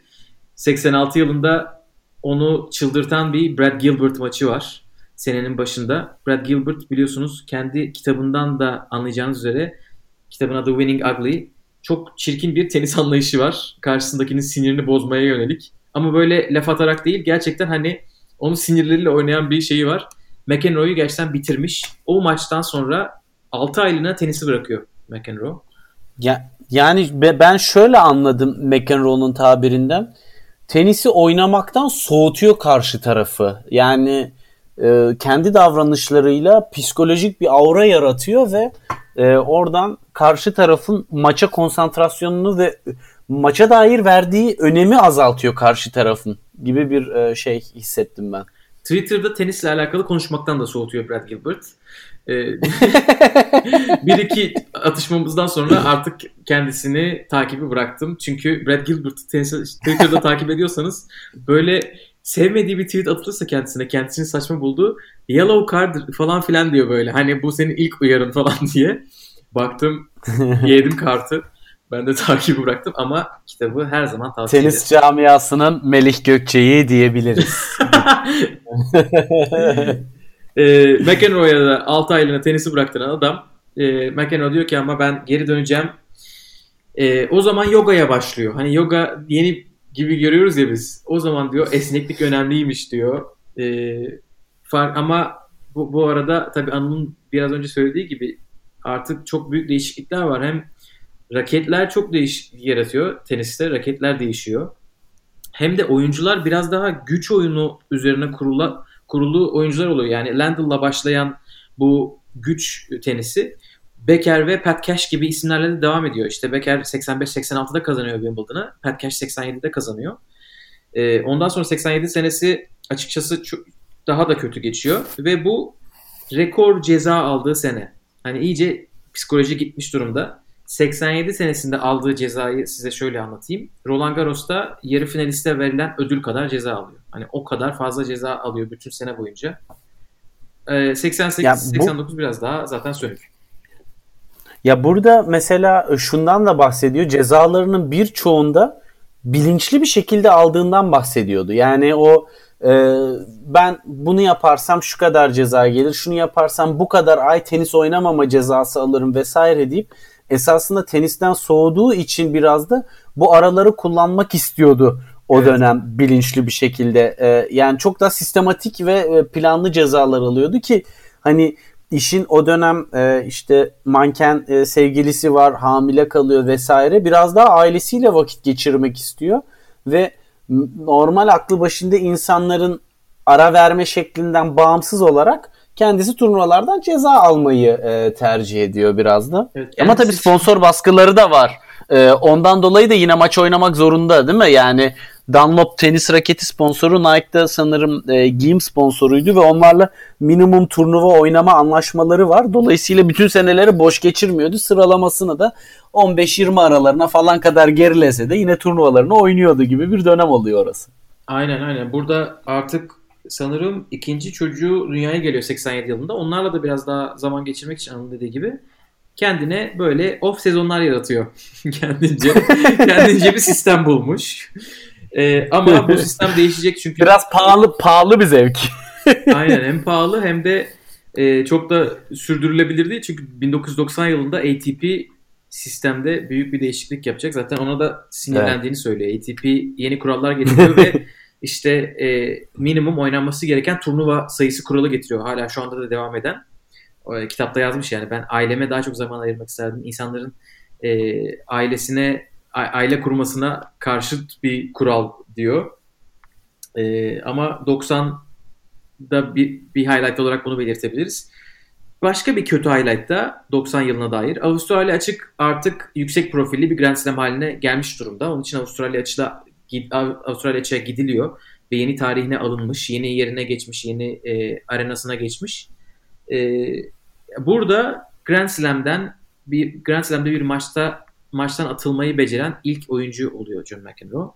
Teklerde diyelim çünkü çiftlerde de birkaç sene önce Peter Fleming'le trafikten dolayı maçlarına yetişemedikleri için Amerika açıkta bir maçtan atılmışlardı. Diskalifiye edilmişlerdi.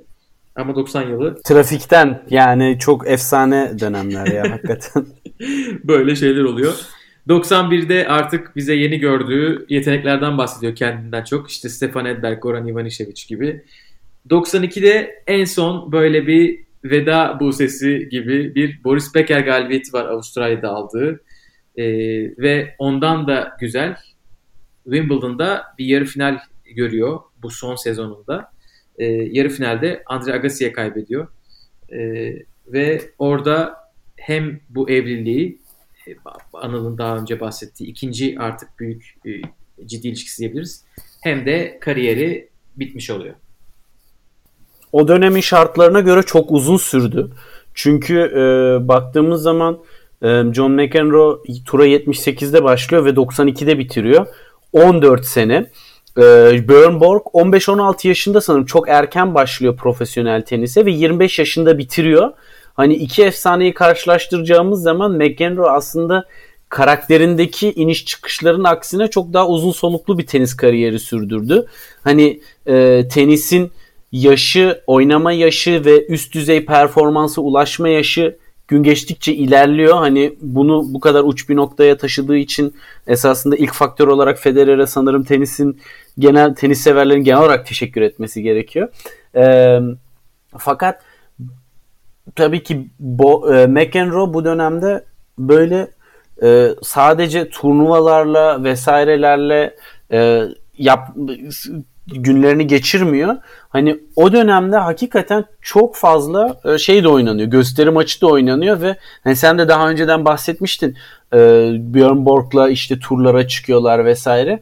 Kariyerinin düşüş evrelerinde e, turnuvalara katılmaktansa ceza alıp e, şeylere gösteri maçlarında da sıklıkla boy gösterip zaten finansal olarak kendisini öyle çok daha e, yüksek meblağlarda gelirler elde edebiliyorlardı. Zaten Borg tenisi bırakmıştı. E, McEnroe da off sezonunda Borg'la beraber esasında tenisi tam bırakmamış oluyordu. E, zamanla tabii kurallar değişti ve e, gösteri maçı oynadığı dönemlerin cezaya ilave edilmesinden sonra bunu da bıraktı. Ama bugünküne yönelik bugünkü kadar gösteri maçı kültür yani o günkü kadar gösteri maçı kültürü bugün yok. Daha çok şahıslar üzerinden olduğu için o dönem e, iki ismi karşılıklı görmek bilmiyorum yani e, bugün Federer Zverev'le işte Güney Amerika'yı gezdi. Orada bile rekor insan topladı. Hı hı. Herhalde öyle bir turu 10 maçlık bir turu dünya çapında Nadal'la yapsalar toplayacakları evet. parayı ben hayal dahi edemiyorum şu tabii, anda. Tabii, tabii. Bir de hani, o zaman ATP turlarının verdiği yani Grand Slam'lerin bile e, para ödülleri şu anla kıyas kabul edilir değil. Onun için onlar Tabii. kendilerini gösteri maçı yapmaya zorunlu görüyorlar. Hani zaten emekli olacağım. Benim kariyerim 10-15 sene sürüyor. Hadi bilemedin 20 sene sürüyor. Ben hani alabildiğim kadar alayım kendimden. Sonra çünkü yapacak bir şeyim olmayacak. Bu mantaliteyle gidiyorlar. Bir bu kadar belki Ve hani- uzun, kariyerini uzun tutanlara şeyi ekleyebiliriz. Çünkü tam o zamanlar devam eden e, çok büyük bir istisna Jimmy Connors var. Ya işte 92'de bırakıyor John McEnroe. 91'de Connors Amerika açığa davetiyeyle kazılıp yarı final görüyor. 39 yaşında. Ama o çok çok büyük bir istisna. İşte bir de Ken Rosewall belki hani çünkü Federer şu anda hep Ken Rosewall'un rekorunu kırıyor böyle bir yaş rekoru kırdığı zaman. Ama o 2-3 tek tük isim dışında gerçekten çok da böyle 30'un çok üstüne çıkan yok. McEnroe yine 33 yaşına kadar iyi direnmiş. Bir de e, hakikaten hani şunu fark ed- fark ettim ben de okurken. Hani evliliğin onun kariyerine sektelere uğratıyor ama zaten birçok tenisçi onun işte çocuk doğru 86-87 senelerinde turda nereden baksan 10 seneye yakın bir süre varken zaten birçok isim kariyerini bitirmiş oluyordu. Hani e, öyle bir faktör var. Bir de o evlilik ve aile hayatıyla beraber biraz yaşamına da bir düzen geliyor. Çünkü e, şu var yani bu isimlerin oynadığı dönemde tahta raketle ve e, oyunun hızının daha düşük olduğu dönemde fiziksel olarak zorlanma seviyeleri bugünkünden çok uzakta. Yani e, dolayısıyla oyun hızlandıkça tabii başa çıkmaları o yaşam stiliyle çok zor oluyor ve o yüzden de çok daha erken yaşta e, bitiyor belli kariyerler. Ama e, yani yaşam biçiminin de profesyonelliğe geçişiyle beraber McEnroe bir şeyleri değiştirmeye çalışıyor.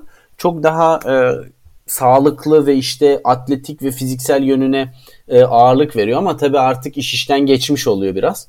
Fakat yine de uzun soluklu ve güzel bir e, efsanevi bir kariyeri vardı. Güzel ne demek çok e, mütevazı söyledim.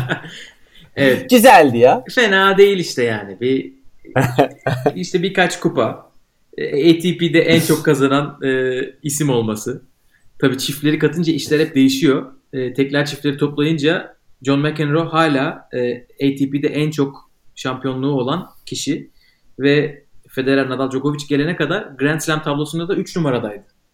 Hani ondan çok kazanan sadece işte e, kim vardı? Sampras bir de e, Borg vardı. O ikisi olması lazım. Evet. E, Ve hani şu şunu da söylemek gerekiyor. Muhtemelen onların oynamayı bıraktığı yaşlarda istatistikleri bıraksak geçemeyebilirler. Değil mi? Evet, evet, Şimdi evet, çok, çok net zor. kontrol etmedim ama çok yani çok bu- bu- erken başlamak lazım. bunlar çok erken yaşta çok e, üst düzey dominasyon domine etmişler turları ve hani e, bugün yaşadığımız Big Three tartışmasının o dönemki e, isimleri ve hakikaten çok sağlam 5 sene üst üste Wimbledon'ı aldı mesela Borg. Hani Federer'e kadar zaten öyle bir dominasyona yaklaşan bir isim de olmadı arada. Bir Sampras var ama 5 arka arkaya yapmadı Evet. galiba. O 4 artı 3 yapmıştı. Evet ben, de öyle hatırlıyorum. Ee, istersen buradan dostluklara geçebiliriz. Borg'u da biraz anlatmaya e, başladıysak. Aynen öyle. Şimdi 6. kronolojik, bölümümüzde kronolojik tarafı bitiriyoruz. İlk önce bir dostlarını ve rakiplerini konuşacağız. Sonra da takım oyuncusu olan John McEnroe'yu konuşacağız. 6. bölümde dost olan rakipler Borg ve Vitas turda hakikaten e, John McEnroe'nun en çok e, beraber yakınlık kurduğu isimler ve bütün hani çok yumuşak bir tabirle haylazlıkları beraber yaptıkları isimler. Fakat bunun e, ön aşaması var. Vitas ve Borg da e, McEnroe'dan daha genç e, şey daha yaşça büyükler. İlk önce Borg'a gelirsek hani demin de bahsetmiştim e, Borg'u 77'de Wimbledon'da yarı finale çıktığında posteri vardı duvarında. Yani McEnroe'nun idolleştirdiği ve hayranlıkla ve ulaşılmaz gördüğü bir isimdi Björn Borg. E, ilk onu işte bol boy olarak 71 senesinde Amerika açıkta gördüğü zaman hani şunu e, acayip etkileniyor Borg'un duruşundan. Yani diyor sanki diyor bir Viking tanrısı gibi. Kortta bütün herkesin işte etki etkisi altına alıyor. Kıyafetleri zaten e, çok inanılmaz stili yüksek. İşte Borg'un çok efsanevi bir e, fila marka e, Fila o dönem işte Björn Borg'un kullandığı e, giyim markası çok dar kesim ve işte esasında bugünkü oyunculara biraz daha yakın ve McEnroe şunu diyor. Diğer herkes böyle zaten 2002'yi anlattığı dönemde kıyafet olarak herkes böyle çok daha bol tarzda giyiniyor. Onu bile eleştiriyor diyor. Ya diyor işte adam o dönem inanılmaz bir stille korta çıkıyor işte bugünküler daha serseri gibi filan diye böyle işte 2002'leri giyim tarzını eleştiriyor. Hani giyiminden korttaki o sakin cool duruşuna ve az konuşmasıyla çok şey anlatmasıyla Borg McEnroe'yu büyülüyor. Ve sadece Borg'u da McEnroe'yu da değil kızları da büyülüyor ve bunu bu da McEnroe'nun çok da e, dikkatini çektiği bir e, e, husus. Ve hani bu idolleştirme evresinden maç oynama evrelerine e, geliyor ve 79'da e, yanlış hatırlamıyorsam 78. Stockholm'de ilk maçlar 78 pardon ilk Stockholm'de maçlarını oynuyorlar. Borg o dönem tabii ki karşısında bir serseri mayın olarak oynuyor McEnroe. Çünkü hani hiçbir iddiası yok. No name bir isim e, esasında Wimbledon'daki yarı finalinden gelmesine rağmen e, Björn Borg yaşayan bir efsane olduğu için Stockholm'de kimsenin umurunda değil McEnroe ve e, bunun kendi evinde oynamasının baskısı çok fazla var Borg'un üzerinde ve o maçı McEnroe kazanıyor. Ve o maçta da çok büyük dengesizlikler, garip grup hareketler, öfkeli e, belirtiler gösteriyor ve fileye geldiklerinde Borg'un gözlerinde şunu anladım diyor. Çok sakindi. Hani diyor ben senin diyor yapını biliyorum. Senin için temiz. Sen iyi bir çocuksun gibisinden hani o maçı manipüle eden ve onun galibiyetine getiren yönlerinin e, art niyetli değil doğal olduğunu hissettiğini Borg ona hissettiriyor ve bu onların arasında yani Borg'un yani McEnroe, Borg'un McEnroe üzerindeki etkisini çok daha ileri bir noktaya taşıyan aşamaların başlangıcı oluyor. Ve tabii ki bu dönüm noktasından sonra turda çok daha fazla vakit geçirmeye başlıyorlar. Özel davetlerde, dışarıda vesaire ve ya çok güzel bir bu, arkadaşlıkları oluşuyor. Bu ilk maçla ilgili bir güzel bir istatistik var. E, McEnroe'nun Borg'u 6-3 6-4 yenmesiyle o maçta e, McEnroe Borg'u yenen ve Borg'dan genç ilk isim oluyor. Yani Borg'u o zamana kadar Borg'dan daha küçük birisi yenmemiş. Ee, tabii ki çok erken yaşta böyle birden yükseklere çıktığınız zaman böyle istatistikler oluyor. Onun için ben de e, şunu araştırdım. Nadal'ı yenen Nadal'dan küçük ilk isim kim? Djokovic. O oradan bir şey görüyorsunuz gerçekten. Böyle yüks- çabuk yükselen birisi oldu mu onu yenen ilk genç isim onun tahtını sallayacak bir isim öyle bir patern var gerçekten. Bunu da böyle bir imaj oluşuyor. Aynen öyle. Evet çok güzel bilgi teşekkür ederim. e, ve tabii ki hani burada böyle bir şey oluştuktan sonra 80 finalinde karşı karşıya gelmeleri Wimbledon'da artık hani bugünün fedalı diyebileceğimiz bir e, noktaya geliyorlar kort içerisinde ve kort dışında da çok fazla beraber e, gösteri turnuvası düzenliyorlar ve bir dostluk oluşuyor. E, ve turda McEnroe'yu e, motive eden ana unsurlardan biri de Borg'la olan rekabeti. Yani burada e, McEn bir gün işte oturuyorlar Vitas Vitas McEnroe ve Borg beraber oturuyorlar sanırım veya başka Vitas yerine başka biri de olabilir. Tam emin değilim. Ee, orada bir anda Borg işte diyor ki benden bu kadar. Ve o kadar yani bir akşam bir barda sohbet ederken bunu açıklıyor onlara. Ve bu kararını açıkladıktan sonraki günde işte bir basın toplantısında yine önümüzdeki turnuvaya ne kadar heyecan duyduğunu vesaire anlatıyor. Hani esasında hikaye anlatıyor adam. Tenis kafasında bitirmiş. Ee, bu kadar hani yakınlar böyle çok önemli bir ve özel bir bilgi ilk olarak yine e, McEnroe ile paylaşıyor. Ve 25 yaşında McEnroe tura devam ederken Borg'un bırakması esasında McEnroe'nun performansında ve turnuva tenise dair olan motivasyonunda da düşüşe sebebiyet veriyor. Yani biraz meydan boş kalması onun as, tenise olan bağlılığını da azaltıyor. Ve e, hani hakikaten bugün de Lever Cup'ta karşılıklı gördüğümüz bu iki isim hani bu açıdan da esasında Lever Cup'ta Borg ve McEnroe'nun karşılıklı takımların başında olmasının da böyle gerilere dayanan çok derin bir hikayesi var. E, ve bunun neticesinde daha önce tabi e, Gökalp'in de bahsettiği işte Borg ve McEnroe'nun e, anlatıldığı film gösteriliyor.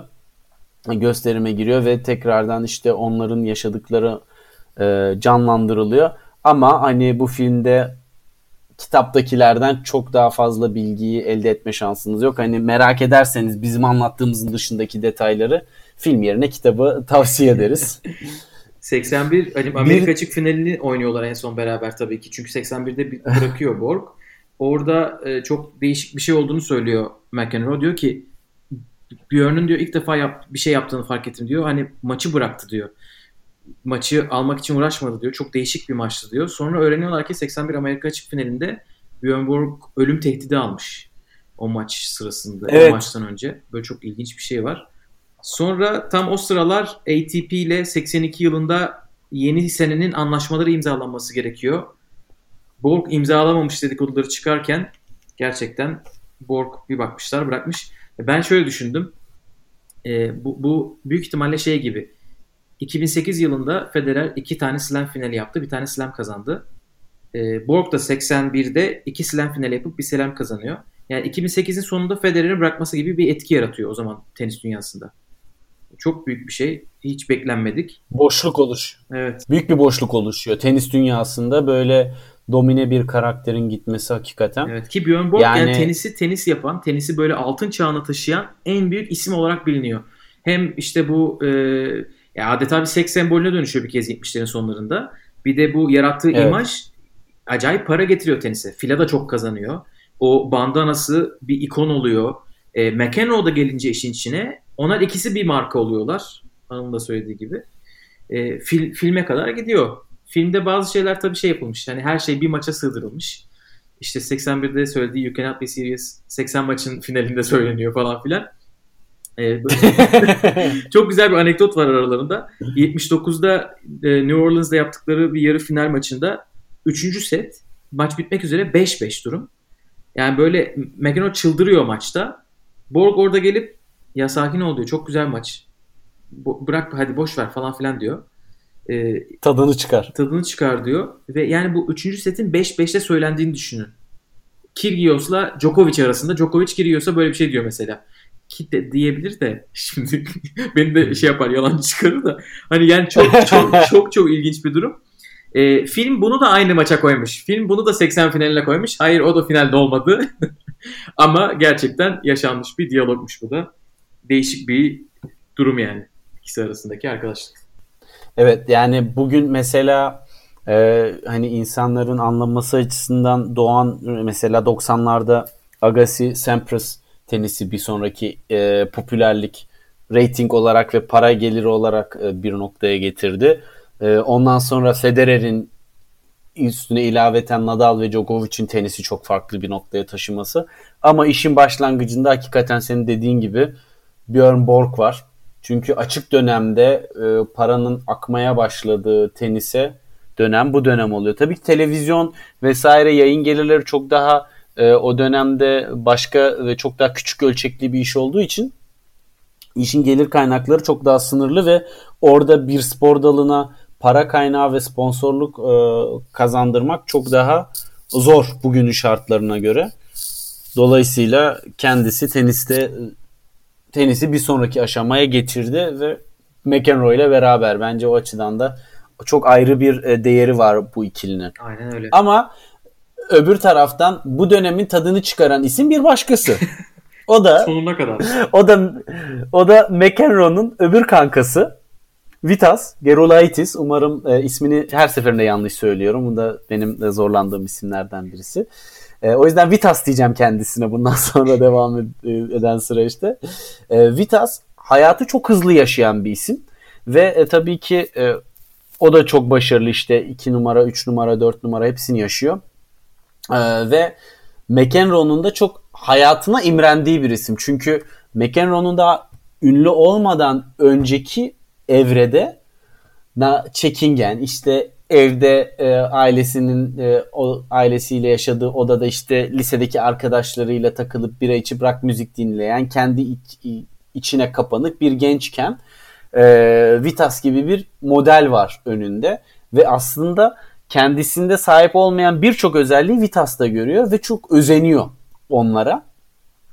Ve e, Vitas işte mankenlerin, uyuşturucunun, alkolün su gibi aktığı gecelerde sanki o dönemi yaşıyormuşuz gibi de görmüşüz. e, onu kulüp kulüp takip ediyormuş. Eski döküntü bir arabam vardı diyor. E, ailem işte bana a, almıştı diyor. Hakikaten diyor iğrenç bir renge sahip ve her an yıkılıp dökülebilecek bir arabaydı diyor. O arabayla Vitas'ı takip edip kulüp kulüp hani o nereye gidiyorsa oralara takılayım falan e, şeklinde bir adeta stalker dediğimiz bugünün e, tabiriyle bir yapıdaydı. Yani aşırı bir hayranlık ve bir özentilik hakim. Daha sonra başarı gelmeye başladığı dönemde bu işte belli e, çok elit zümreler var Manhattan'da. E, işte bütün ünlüleri bir araya getiren, işte özel davetler veren, özel partiler düzenleyen, muhtemelen bugün de de vardır da hani biz bilmiyoruz, ünlü değiliz, şey değiliz. ee, öyle yerlerde genelde Vitas, Vitas her zaman olurmuş. Tenis dünyasını temsilen işte bütün o e, elit zümrenin içerisinde o olurmuş ve McEnroe gelen başarılarla beraber buralara davet edilmeye e, başladığı dönemlerde Vitas'la beraber takılmaya başlıyorlar. O özendiği, imrendiği insandan e, bir anda şeye geçiyor. Kankası moduna geçiyor. Hatta e, bir turnuvada e, bir akşam ilk defa böyle e, çok kötü oluyor işte sanırım hem uyuşturucu hem alkol vesaire bir şeyleri çok karıştırıyorlar ve e, Borg ve Vitas e, yanlış hatırlamıyorsam Borg da vardı. McEnroe'yu böyle e, iki kolundan tutup odasına e, çıkarıyorlar. Orada işte yatırıyorlar vesaire. Orada çok rezil bir durumda aslında. Ama o bunu çok mutlulukla e, görüyor. Çünkü ilk defa ben de o, o ekibin içerisinde e, dahil olduğumu o gün hissettim diyor. E, onlar bana sahip çıkıyor işte vesaire. Fakat e, bu yakın dostluklarda hani Vitas gerçekten bu hızlı hayatı hiçbir zaman bırakmıyor. İşte e, uyuşturucu bağımlılığı çok üst düzeye geliyor ve erken yaşta hayatını kaybediyor ki e, bu da McEnroe'yu çok etkileyen olaylardan bir tanesi. Evet yani herkesin çok sevdiği bir insan. Yani McEnroe'da, Borg'da, Jimmy Connors da Vitas'ı çok seviyorlar. Yani hepsi böyle kardeşi gibi. Herhalde işin en e, yani trajik tarafı Vitas'ın artık bu e, madde kullanımını gerçekten sonlara doğru bırakmış olması ve tamamen bir kaza eseri e, evde şofben zehirlenmesi geçirerek ölmesi. Çünkü herkes şey sanıyor. Maddeyi tekrar mı kullanmaya başladı diyorlar ama adam tamamen bambaşka bir sebepten masum yani böyle alakasız bir kazadan hayatını kaybediyor. Hepsi e, ya böyle etkileniyorlar.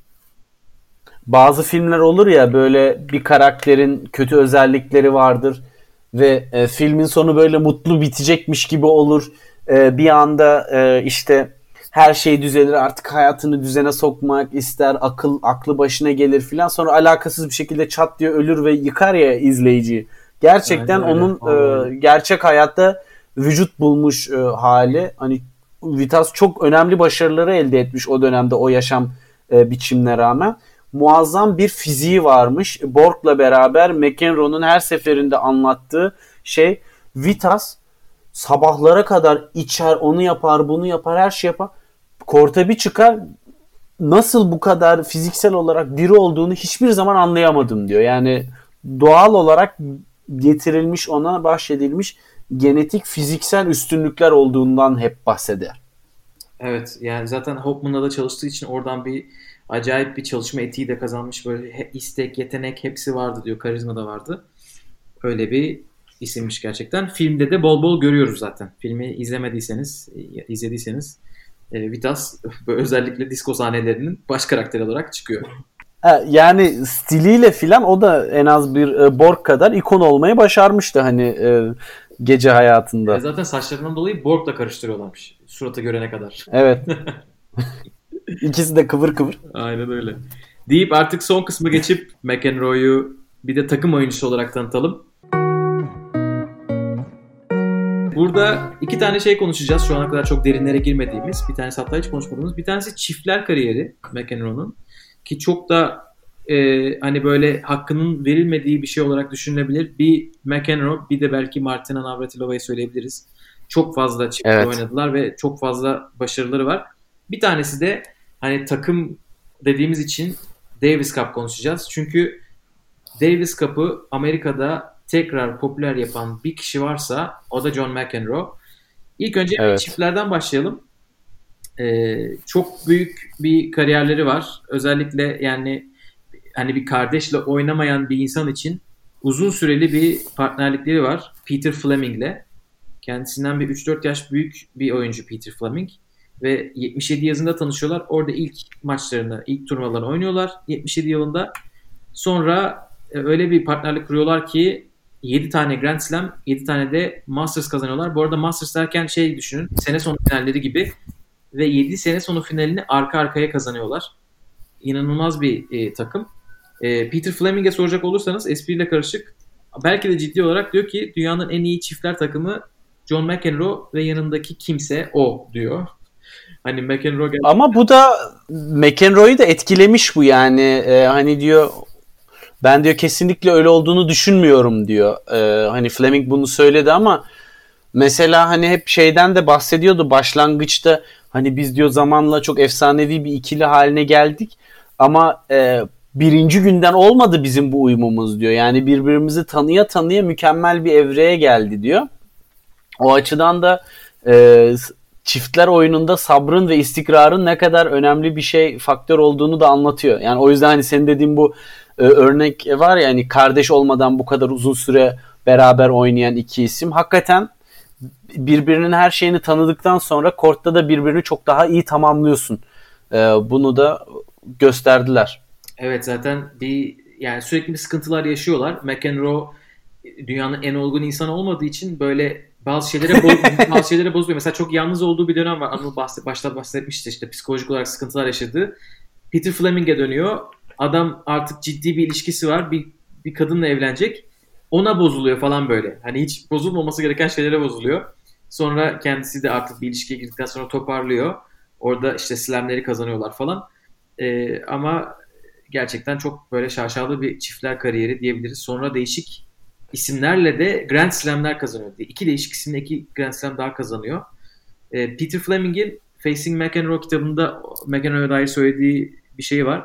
Şey diyor bana bir maçtan sonra bile bozulmadı. Hani hiç böyle bu maçta sen kötü oynadın gibi bir şey yapmadı. Ee, partnerlerini zirvelerinde oynatıyordu. Hep öyle bir özelliği vardı diyor McEnroe'nun. Ee, ve başka böyle şey, bir spor yazarı da şey demiş McEnroe için. Bu tamamen subjektif bir şey tabii ki. Kanıtlanabilecek bir şey olduğu için.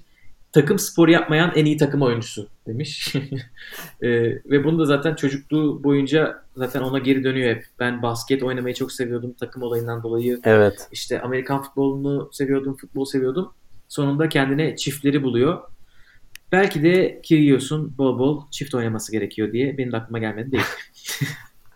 Ya evet kesinlikle. Çünkü mesela hani Fleming tabii ki e, McEnroe'nun Fleming aynı zamanda hani bu, bu sırada çiftlerde oynuyorlar ama dünya sıralamasında da ilk ona falan girmişliği olan bir isim. Hani yani öyle sadece çiftlerde McEnroe ile başarı elde eden bir isim değil.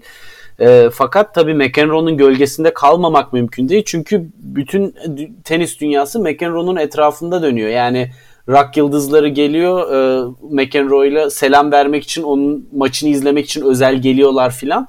E, hani öyle bir evrede. Bunlar mesela McEnroe'nun o kitabında öyle anlatıyor ki hakikaten çok duygusal görüyor. Yani arkadaşlığım zarar görüyor, e, değiştiremiyorum diyor, üzülüyorum diyor. Yani o ünüyle beraber arkadaş arkadaş çevresindeki değişiklikleri yönetemiyor ve bu onu çok zorluyor. Çünkü herkes yanında dolaşan insanlar hep onun yancısı gibi algılanıyor düş dünyadan ve o bundan esasında rahatsız ama değiştiremiyor tabii ki e, çevresel faktörlerden. Hani bu da esasında ne kadar e, liderlik özelliğinin yüksek olduğunu gösteriyor. Evet, evet. Aynen takım John oyuncusu McEnroe'nun. olduğunu bir de böyle göstermiş. Beraber 4 Wimbledon 3 tane Amerika açık kazanıyorlar. Sonra artık e, 80'lerin sonuna doğru bir ayrılıyorlar birbirlerinden. ayrı daha iyiyiz diyerek e, John McEnroe bir de Mark Woodford'la sonra Woody's takımını oluşturacak o efsane takımı oluşturacak Mark Woodford'la bir Amerika açık kazanıyor.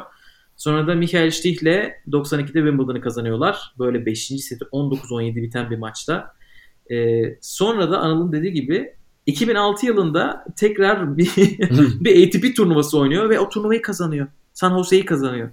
Böyle bir oyuncudan bahsediyoruz. Şaka gibi. Şaka Gerçekten gibi. inanılmaz.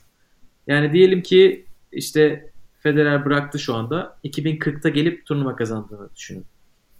Böyle bir şey yani. Ee, diyelim ve Davis Cup'ı da konuşalım istiyorsan kısaca.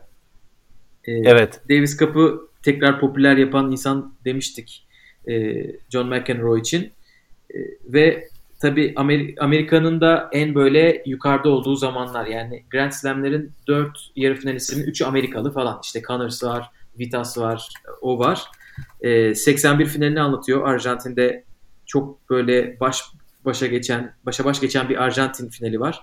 Oradan onlarda da Jose Luis Clark ve işte Guillermo Vilas var. Toprakta biri 5 numara, biri 6 numara. Onlar da çok kaliteli bir takım.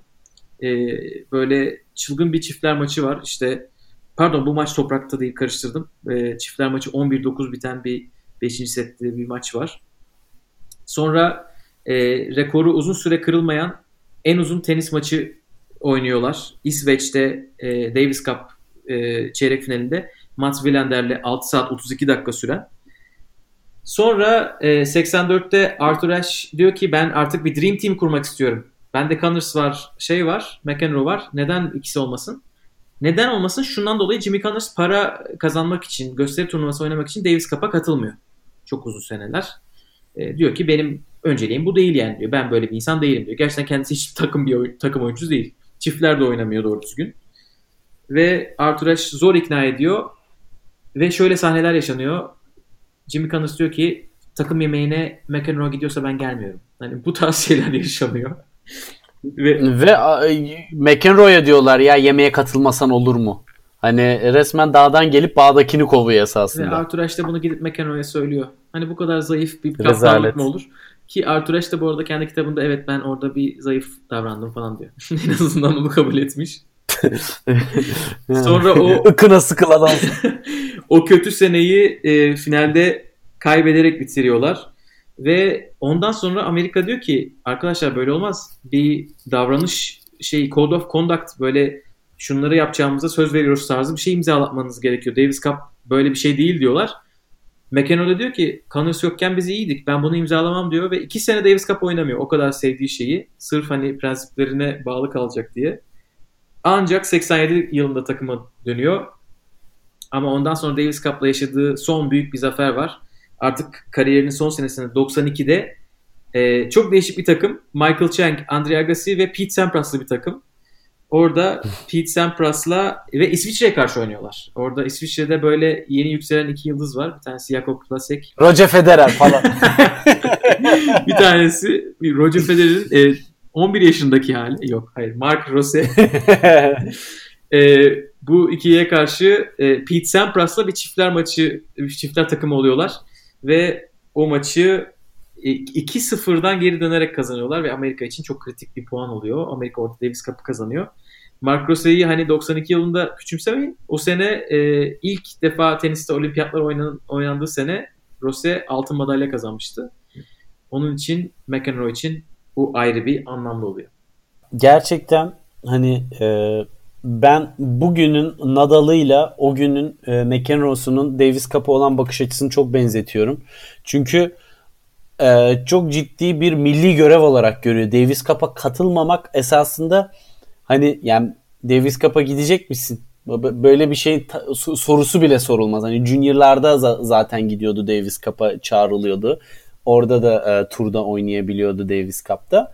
E, dolayısıyla hani onun için çok onursal bir görev ve e, burada ben hakikaten yani McEnroe'nun ağzından gözünden kanırsa Jimmy kanırsa bakınca hakikaten çok yani hiç sempatiyle bakamayacağınız bir isim. Hani bunda da Connors'ın da e, katkılarının olduğu birçok nokta da var hakikaten.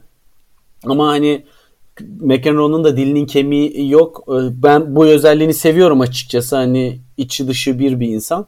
Ve e, burada mesela USTA'in de e, genel olarak e, Arthur Ashe haricinde de burada McEnroe'un McEnroe'nun alıp bir yerlere götürdüğü bir Davis Cup'ı Amerika'da e, ona değil de sırf popülarite ve rating kaygısından dolayı onun hakkının yenmesi ben, beni e, bu kitapta en çok rahatsız eden olaylardan biriydi genel olarak.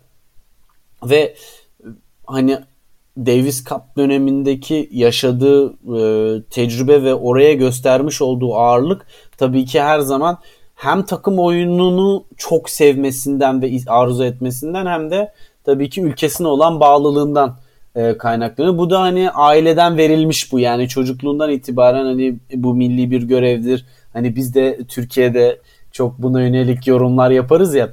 E, biraz orada da bu şekilde e, görmüş olayı. Ben o açıdan hani McEnroe'nun tenisin bireysel spordan dışarıda kalan kısımlarını o dönemde çok parlattığını e, çok takdirle e, karşılıyorum.